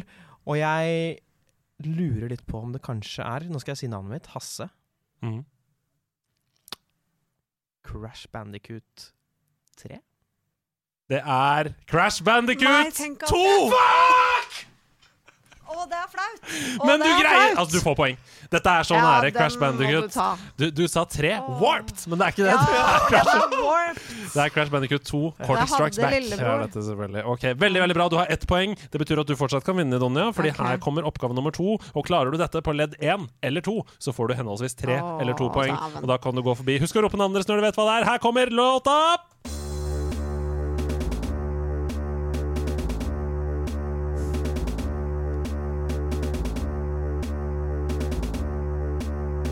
Jeg har jo ikke sjans i havet. Altså, Jeg har ikke sjans i havet. Andreas, har du statistikk over hvor mange som har klart det på første, liksom? Du veit da, det fins noen som hører på denne podkasten her, Ja! som klarer det. Eh, det Sebastian pleier å være ganske god. Ja, men Sebastian han er ja, ja, litt autistisk. Ja, han er veldig autistisk. Han er helt autistisk. Han er Rainman. Um, ja, på, på akkurat dette. Mm. Det jeg tenker da når man hører det her, og det er fint å snakke åpent, Ja eh, fordi det, Dere er to fisk på vi er- Ja, Ja, Men OK, det jeg hører her, er uh, militære rytmer. Ja, og litt det- sånn tungt. Ja. Det er litt tungt. At det kanskje er en spesialsoldat. Mm. eh, At vi er i det landskapet der. Ja, men er det dur eller moll, da, dere? Uh, det er jo alltid vanskelig å si når det er en basslinje, fordi man Mm. har jo ikke en hel akkord. Uh. Eh, men uh, jeg ser Jeg tror of, ofte så er det jo moll. Så jeg tror det er mål, og jeg har lyst til å prøve meg, og det kan bli flaut, men navnet er Hasse. Hei, Hasse.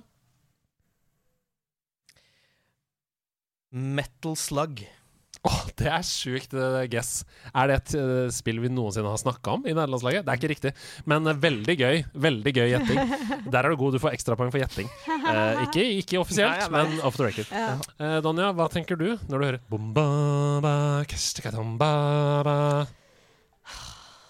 Dere har bare satt meg opp til å feile her. Ja, trenger du kanskje litt mer å gå på, så Ja. får du ett ledd til her.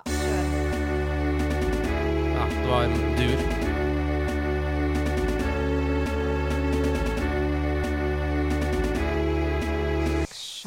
Det er ikke et militærspill lenger. Dette Nei, er jo det noe fantasy-shit, liksom. Ja, nå ble det jo lyst Ja, igjen, ja, og da ble det litt sånn ute i space, eller litt sånn Ja. ja, Space tror jeg det kan være. Den viben jeg fikk, i hvert fall. Litt sånn uti i Og litt sånn Prøver å være moderne for eh, når den nå enn har kommet ut. Ja, jeg, jeg tipper det kom ut i 92, jeg. Uh, vi skal til Nintendo GameCube. Jaha. Hvorfor sier jeg disse årstallene? For jeg, um, Til en konsoll som du hadde Ja. et nært forhold til. Ja. Herregud. Og du hadde riktig med to, men det er 2002. ja, det er er, ja, ja. Jeg trodde man ikke brukte midi-filer på GameCube, men det gjorde man tydeligvis. Det gjorde man. Um, Nintendo har alltid vært litt bak, vet du. Ja. ja, de har det. Uh, Det er episk, da. Det er litt sånn Ja. Jeg gønner på med ledd tre, hvis ikke jeg får et tipp her. Nei. Nei, jeg har Nei. ikke lyst.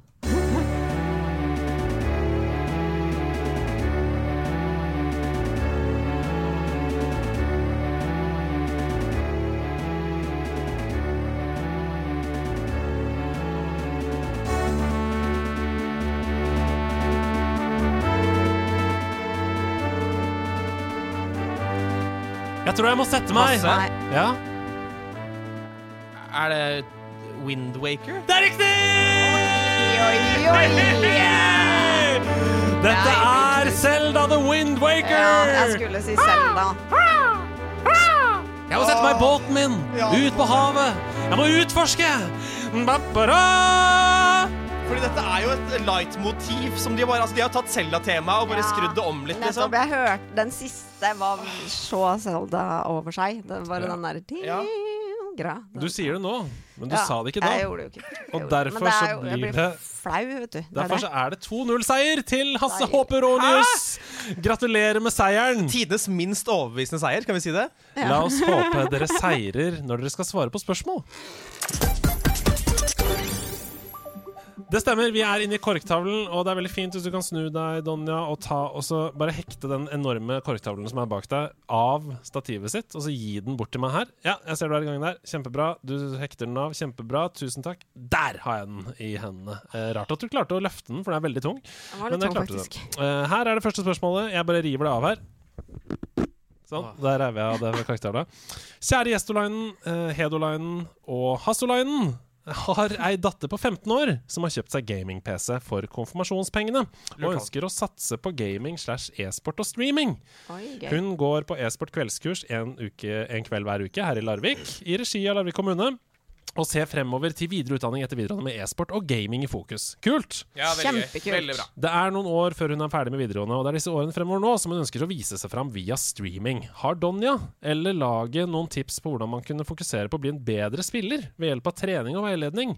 Burde man f.eks. melde seg på alle konkurranser som er i grenen? Hvordan blir man oppdaget av e-sportmiljøet? Hilsen en støttende gamerfar, men uerfaren på e-sportmiljøet. Åh, først og fremst så sykt koselig. Ja. Herregud. Ja, det der ja. Også hvis faren min hadde gjort det der, fy faen, jeg hadde begynt å grine. Liksom, jeg Og han er oppriktig interessert her, og han spør Ja. liksom Har du noen tips, Uh, og burde man melde seg på alle konkurranser? Hvordan blir man oppdaga, osv.? Det er jo eh, midt i blink for meg, da, som jobber i eh, eh, største ligaen i Norge, og har liksom vi, Det som er så gøy for meg med Telialigaen, og grunnen til at jeg hadde lyst til å jobbe der, er jo at vi har så bredde Det er så breddekultur. Mm. Du kan spille rekruttliga, som er mye lavere divisjoner, og du kan spille helt ned i sjette divisjon og klatre deg oppover. Så jeg ville jo definitivt sjekka ut der, og vi har jo eh, et spillemarked på gamer.no, hvor man kan finne andre å spille med, finne lag, finne trenere, finne altså hva enn det måtte være, da, for Mm. å bli en bedre spiller. Og så er det jo liksom ikke så mye annet uh, å gjøre først og fremst enn å spille mye, da. Og, Mm. og spille riktig. Spille Ja, riktig. spille riktig, ja. Hva vil det si? Det vil si å ikke bare spille mye, men vite hvordan du skal spille for å bli bedre. Uh, for eksempel, nå tar jeg bare CS som et eksempel, da, at man, at man ikke bare setter seg ned, går inn i competitive match etter competitive match igjen og igjen Mm. og igjen, men at man tar seg en liten pause, ser på sine egne videoer. Mm. Hva er det jeg gjør riktig, hva er det jeg gjør feil? Mm. Eh, sitter en time før du begynner i aim-maps eller deathmatch eller noe som ikke er konkurranse, liksom, og bare øver på aimen. Øver på små ting av gangen. For du kommer ikke til å bli best i alt bare av å spille, spille hele tiden. Du burde fokusere på visse ting. Altså, nå skal, Mm. jeg, nå skal jeg bli bedre på strategien, nå skal, jeg, nå skal jeg bli bedre på aimen. Nå skal jeg bli bedre på det. Og så se på andre. Plukke opp triks. Plukke opp uh, tips fra folk som er skikkelig gode. Det hjelper på. Um, og streaming kan jo også være med på å gjøre det enda mer gøy. da Og få inn alle de tusen timene man trenger for, å, Mm. for å bli en uh, proffspiller. Det kan jo også være med å bidra til å gjøre det mer gøy å gjøre. Og så er det jo å finne en, en gjeng som man trives å spille med hvis man vil spille kompetitivt i et lag. da Uh, og, og bygge på bare spill og kos deg. For jeg tror, altså, jeg, jeg kan jo veldig mye mindre om det her, men altså bare sånn gjennom eh, det og min tilnærming til f.eks. det å bli bedre i Overwatch. Og har som sagt da stort sett vært gull i fem år, så jeg er ikke den beste å spørre.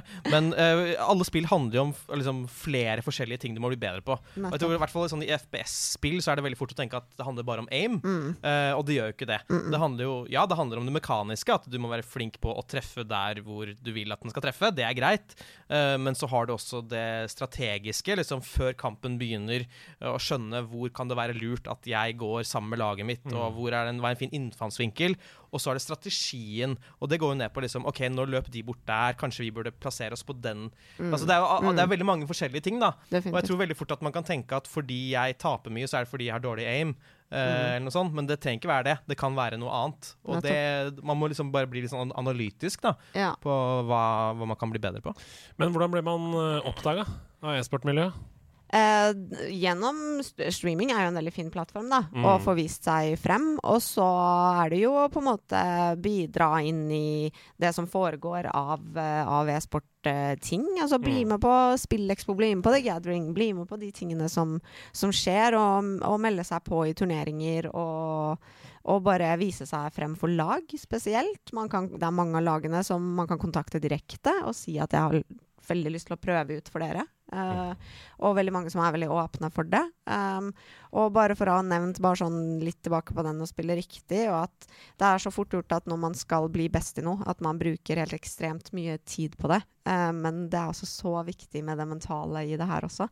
Uh, når du kommer på et sånn punkt hvor du skal bli proff, da.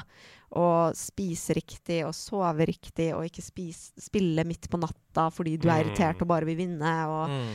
og har ranka ned eller et eller annet. Og liksom de tingene. Du spiller så mye bedre når du eh, drikker de riktige tingene, spiser de riktige tingene, Ja. du trener, du Altså det mentale har så mye å si, da. Og nullstiller, liksom. Ja, ja, fordi det er jo to forskjellige ting å liksom sette seg ned og skulle spille et spill for å bare kose seg. Og da, ja, spis chips og potetgull Ja, ja, og drikk eh, cola, liksom. Det er null stress. Men som du sier, da, hvis du skal faktisk satse og bli skikkelig god på det, Mm. så er det kjempeviktig å, å spise sunt, og at hodet ditt er helt med hele veien. Da. Nettopp. Du må ta det som trening. Både, altså her trener vi med huet, liksom. Mm. Og Mm. det må tas seriøst, da.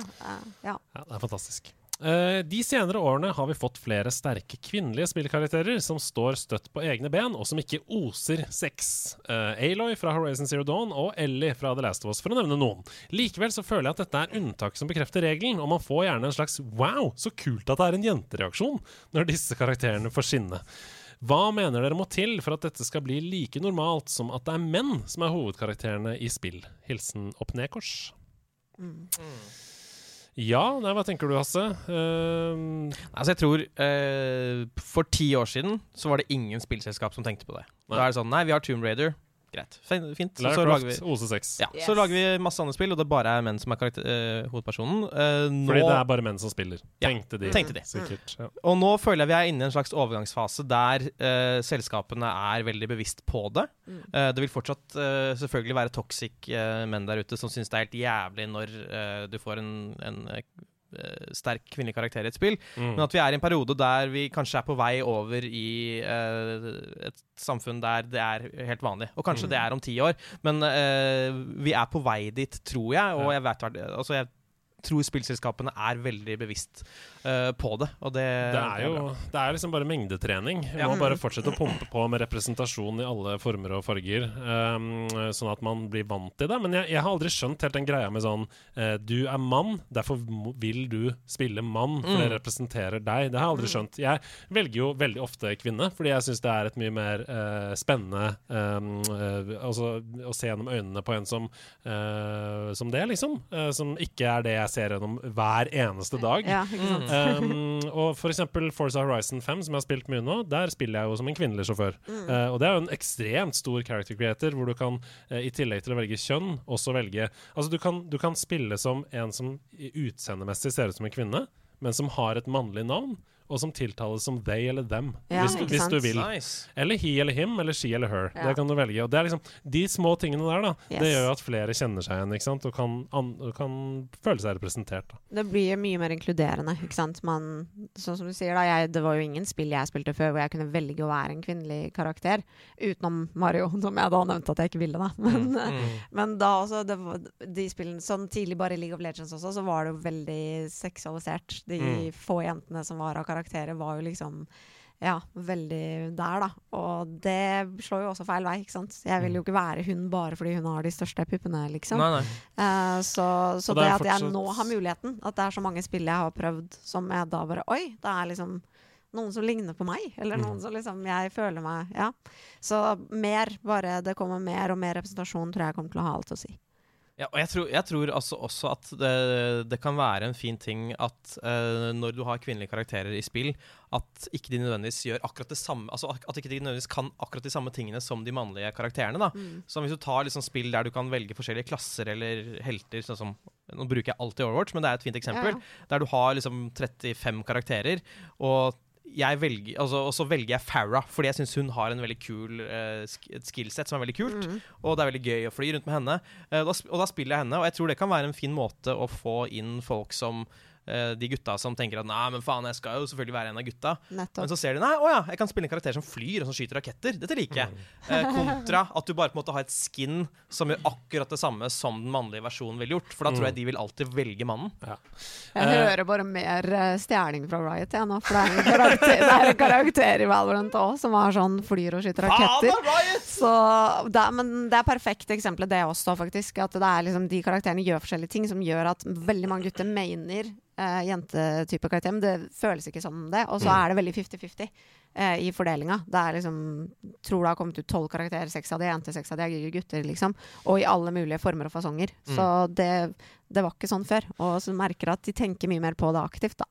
Da jeg gikk på Westerdal, så lærte jeg om noe som heter uh, Bechdel-testen. The Bechdel-test. Og det er jo helt Når du lærer om den, så uh, er livet ditt aldri det samme etterpå, uh, i negativ forstand. Fordi Bechdel-testen er en test av eh, fiksjonsverk. Altså enten TV eller eh, film eller eh, litteratur eller eh, spill, da.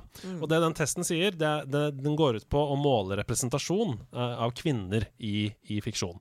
Eh, og eh, hvis du har bestått testen, hvis du kan sette Bechdel-testen på, så inneholder verket ditt um, to kvinner som er navngitte, og som snakker med hverandre om noe annet enn menn. Ja. Og det skjer nesten aldri. Ja. Et eksempel er eh, på, et, eh, på noe som ikke da Det skjer nesten aldri! Ja, det skjer nesten aldri. Eh, vi, eh, hvis vi tar en dialog nå, et eksempel. Ja. Um, hey girl, uh, what do you think about Indiana Jones? He's got pretty cool muscles. Yeah, and because you are another woman, I, I am forced to talk to you with about Indiana Jones because Yeah. Yeah, he's, he's- the most important guy. he's in cool, man. Yeah, he's Yeah. really cool. Yeah. Nei, men det er Eksempel, sånn, ja, men det er veldig sant, da. det er Ja, sånn. Hvis du ser på en film 100%. som The Holiday, for eksempel, da, som har veldig stor kvinnelig representasjon, så er det sånn Det nesten alle kvinnene snakker om, er bare om de andre mennene som er med i filmen. Hele tiden. Det er helt sjukt. Det er Eh, så det er helt krise. Ok, eh, Gjennomfør Bechdel-testen på det neste spillet du spiller, og, fi, og finne ut av om, um, om kvinnelige hovedpersoner snakker om f.eks. politikk i spillet. Ja, ikke sant. Uh, men ja, um, det ene Uncharted-spillet, der ble det to kvinnelige hovedroller. Det er et av de eneste spillene jeg har spilt hvor jeg har opplevd å møte en kvinne fra Midtøsten Ja. som er liksom godt representert, ikke i kraft av at hun er fra Midtøsten. Nettopp. Altså Hun er ikke en slu terrorist, liksom. Nei, ikke sant, ikke sant. Um, og det eh, Har du noensinne Nei, nei. spilt et spill der du opplever at, Aldri. at du er liksom representert? Nei, det er det jeg mener. Jeg har jo aldri sett en karakter som jeg har tenkt Oi, det ligna på meg. Og, eller at det, jeg kjenner meg igjen i den karakteren, på en måte. Nei. Jeg har en i Valorant nå også, som var sånn Oi, hun ser faktisk ut Altså Hvis jeg noen gang skulle cosplaye av noe som helst, så har jeg på en måte hele outfiten hennes i skapet Mm. allerede, liksom. For hun vil bare ligne på meg. Og det gir en helt annen sånn jeg liker egentlig ikke kittet hennes så godt engang, men jeg har bare lyst til å spille hun noen ganger. Fordi at jeg bare kjenner meg igjen i hun, liksom. Og, så det har mye å si. Nydelig. Vi kliner til med et siste spørsmål. Nintendo Direct har akkurat avslørt casten for ny Mario-film med noen snodige stemmeskuespillere. Eh, om filmen skal dubbes til norsk, hvilke norske skuespillere ville vært perfekte stemmer til de figurene vi nå har fått vite at skal ta del i filmen? Hilsen Håkon. Altså, hvilken norsk skuespiller vil se ut som Mario? Bra spørsmål. Oi, Bra det er spørsmål. gøy. Det er vel Anders Baasmo Christiansen eller som er Mario? Nei, men veit du hva! Nå skal vi gå litt utenfor boksen her. Ja, nå skal vi tenke litt lenger. Ja. Hvem er det som kunne vært Mario? Mathias Mathias altså- Lupekini, eller? Den er kjempefin. Den Den er er kjempefin, sterk. den er sterk. Jeg vil også lansere Aslak Maurstad. Ja, der er det god. Um, Ja, altså, dette er det, jo- det skal være en litt sånn quirky Altså, det er Chris Ja. Pratt. Greit, han er ikke den mest quirky, men han, er, han har en veldig sånn gutteaktig sjarm. Mm. Jeg Ja. tror den personen må ha gutteaktig sjarm. Ja, jeg tenkte Lupekini selvfølgelig fordi han er halvt italiensk. Det er derfor jeg bare Ja. jeg gikk det til hodet. Men eh, kanskje Tommy Steine kan ha noe Boser, eller OK. Eller Atle Atle Antonsen. Ja, ja, Oi, ja, ja, ja, ja, ja, ja, ja. Han er litt sånn boss i Jeg tenker Final boss. ja. Eh, Kanskje Silja er Peach, eller? Silja Nymoen? ja, dumt, ikke den dumt. er ikke dum. Mm. um, og så har vi uh, Luigi. Hvem er Luigi? Det Å, Vidar Magnussen. Han Ja. er jo Luigi. Bergensk uh, Ja. dialekt. Mario! Mario, hva driver du med? Du er litt lavere og tjukkere enn Å, meg. dette har jeg så lyst til å se. Jeg har så Ja, ja, ja. lyst til å Tommy se Steine, det her. Vidar Ja. Magnussen, Ja. eh, Atle Atle Antonsen som Bowser. Ja, det er god. Den er, den er god, den. ja, det er bra. Jeg tror jeg er god der. Jeg tror uh, Hvis det er noen som driver og kaster dette, så er det bare å ringe med en gang. Ja.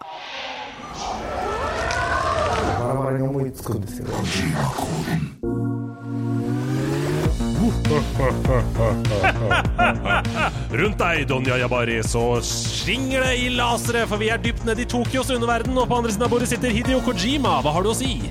あ私はあの秀岡島ですあの今日はあの本当に面白いことですけれどもあ私たちは頑張ってください Hidio Kojima har tatt bolig i Hasses body! Hasses body! Det er helt utrolig. Det er ikke jeg som har Kojima-koden! For en av de aller første gangene i historien. Hidio Kojima har faktisk tatt over Hasse Hope, og det er du som skal lede Kojima-koden. Og for å bare si det kjapt til deg, så er det altså vi to som må samarbeide. For å klare å løse eh, koden som Hasse har laget, eller som Hidio Kojima har laget da, gjennom Hasses kropp. Ja. Fordi han har tatt over min body og ja, det hørte jeg jo ganske tydelig i stad. Ja. Um, og det skjuler seg et spill inni denne koden. Vi må desifrere koden for å skjønne hvilket spill det er. Så du kan bare kline i gang. Ja, jeg har to stykker til dere. Ja, Deilig. Hva er første ledd? Første ledd i spill nummer én. For vi skal fram til et spill. ja. Ok, Okay. Nå må vi være gode her. Koble oss på hverandre. Yes, okay. yes. Telepati. De to første ganger var fuktige affærer. Men så skulle neste spill bryte med det. I 2013 fløy spillet til himmels. Og eh, ga oss en forsmak av Last of Us vennskap, he-he. Ok, De to første spillene var fuktige barrierer. Altså vann, Affærer. Affærer. eh, vannspill, eller noe sånt. Um, Ja. Men så skulle neste bryte med det. I 2013 Fløy spillet til himmels og ga Ja. oss en forsmak av Last of Us vennskap, he-he. Så rytmen tenker jeg alltid Nei. I stavelsen. 2013 fløy uh, spillet til himmels og ga oss en forsmak av Last of Us vennskap. De to første spillene var fuktige affærer. Men ja, mener man fuktig affære som i at liksom det var vannspill? Jeg vet ikke. det, var liksom Hideo Kojima vet dette. Nei, Vi det er vet jo ikke. He Vi- works in mysterious ways. Ja, Det første jeg tenkte på, var liksom sånn Kan det være, mm, kan det være uh, Sky? Altså dette uh, spillet som ble utviklet etter um, eh, Journey og, Ja. og Abzu og sånn. Ja. Fordi det var jo det er jo sånne opplevelser. Du var under vann og sånn, og så fløy de opp i himmelen i, i spillet Sky. Ja. Men uh, 2013 rimer ikke helt der. De to første spillene var fuktige affærer. Jeg tror kanskje vi skal til noe Også vennskap. Ja.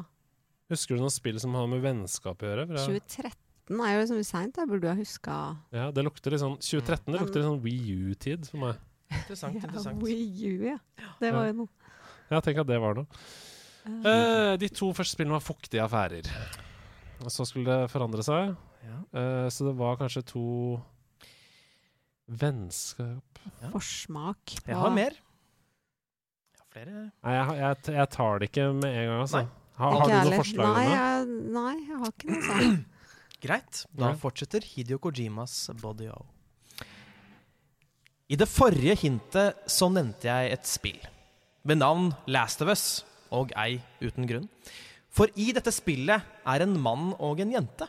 Og voicen til mannen er samme som Joel sin munn. Ok. Samme stemmeskuespiller Ja. som hovedpersonen Eller ikke hovedpersonen, men um, en karakter i The Last of Us, Joel. Um, Ja. Da kan det jo være Uncharted. Uh, de to første spillene var fuktige affærer. Men det tredje var ikke noe oppe i himmelen Jo 2013. Nei, 2013. Uncharted 3. Ja. 2013. Uncharted 3. Men tok det av? Ja, kanskje. Jeg hørte jo mye om det. Ja, men uh, det er liksom sånn fuktige affærer. Ja. Uh, Det, det var ikke noe mer vann i Uncharted 1 Nei, det var jo ikke så fuktig, kanskje. Vennskap Vi snakker om uh, far og sønn Nei, datter. Ja, men Eh, det var jo Altså, at det var i Last of Us, så var det det. Men det var det her òg? Var det ikke det du sa? For i dette spillet er en mann og en jente, og voicen til mannen er samme som Joel sin munn. En Så i dette spillet spillet vi snakker om nå, er en mann og en jente. Ja. En mann og en jente fra 2013. Høres ut som Last of Us. Ja. Mm, det er Um, det, det er ikke The Last of Us. Det er Jeg er ingen djevel, jeg er Kojimas Ja, munn. du er Kojimas munn. Dette vet jeg jo. Jeg må ha spilt det. Uh, en mann og, en, og, en, og det er samme stemmeskuespiller.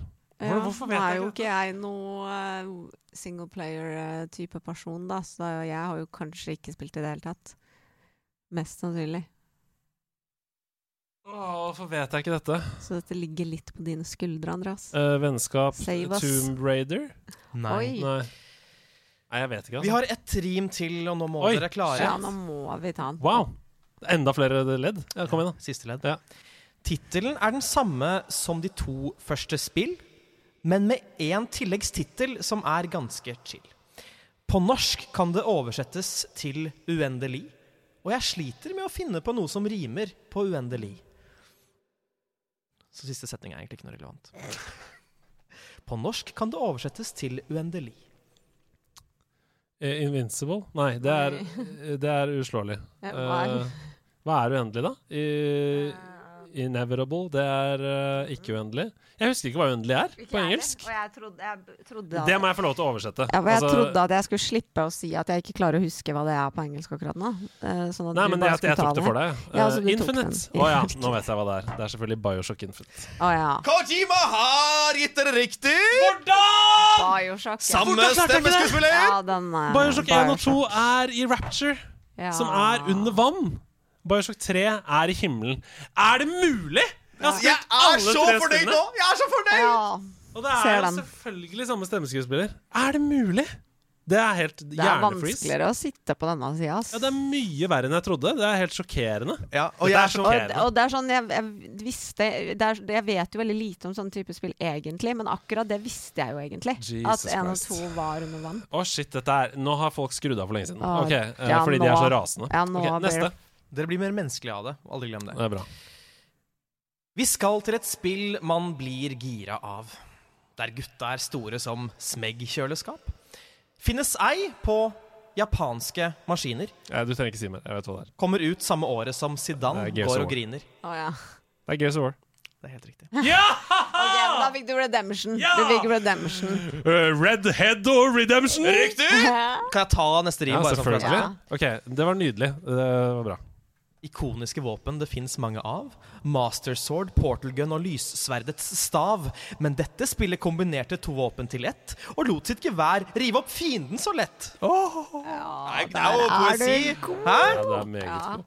Det er bra. Nei, det var, det er veldig bra, altså. Godt takk, jobba. takk. Du tok det faktisk eh, på, ikke bare på første eh, rim, men på, men på, tredje setning i første rim. Men da du sa ja. gir, du sa gira. Ja, og det skulle jeg komme tilbake til, at det var et ordspill. Ja.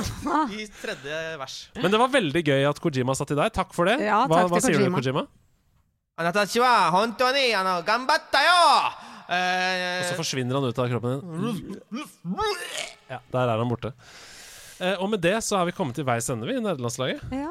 Tusen takk for besøket, Donja. Tusen takk for at jeg fikk komme. Det var, jeg hadde venta på det her så lenge, og det var helt nydelig timing òg. Så tusen takk for at jeg vil komme. Jeg er veldig takknemlig for å ha vært eh, gjesteprogramleder eh, med deg som gjest. Det har vært kjempespennende. Ja, det har vært takk. dritgøy. Eh, lært så masse. Er det noe, hvor kan vi følge deg? Fordi jeg er helt sikker på at mange som har hørt på dette nå, har lyst til å følge deg videre. For det er jo eh, Du er jo så kunnskapsrik og kul, så hvor?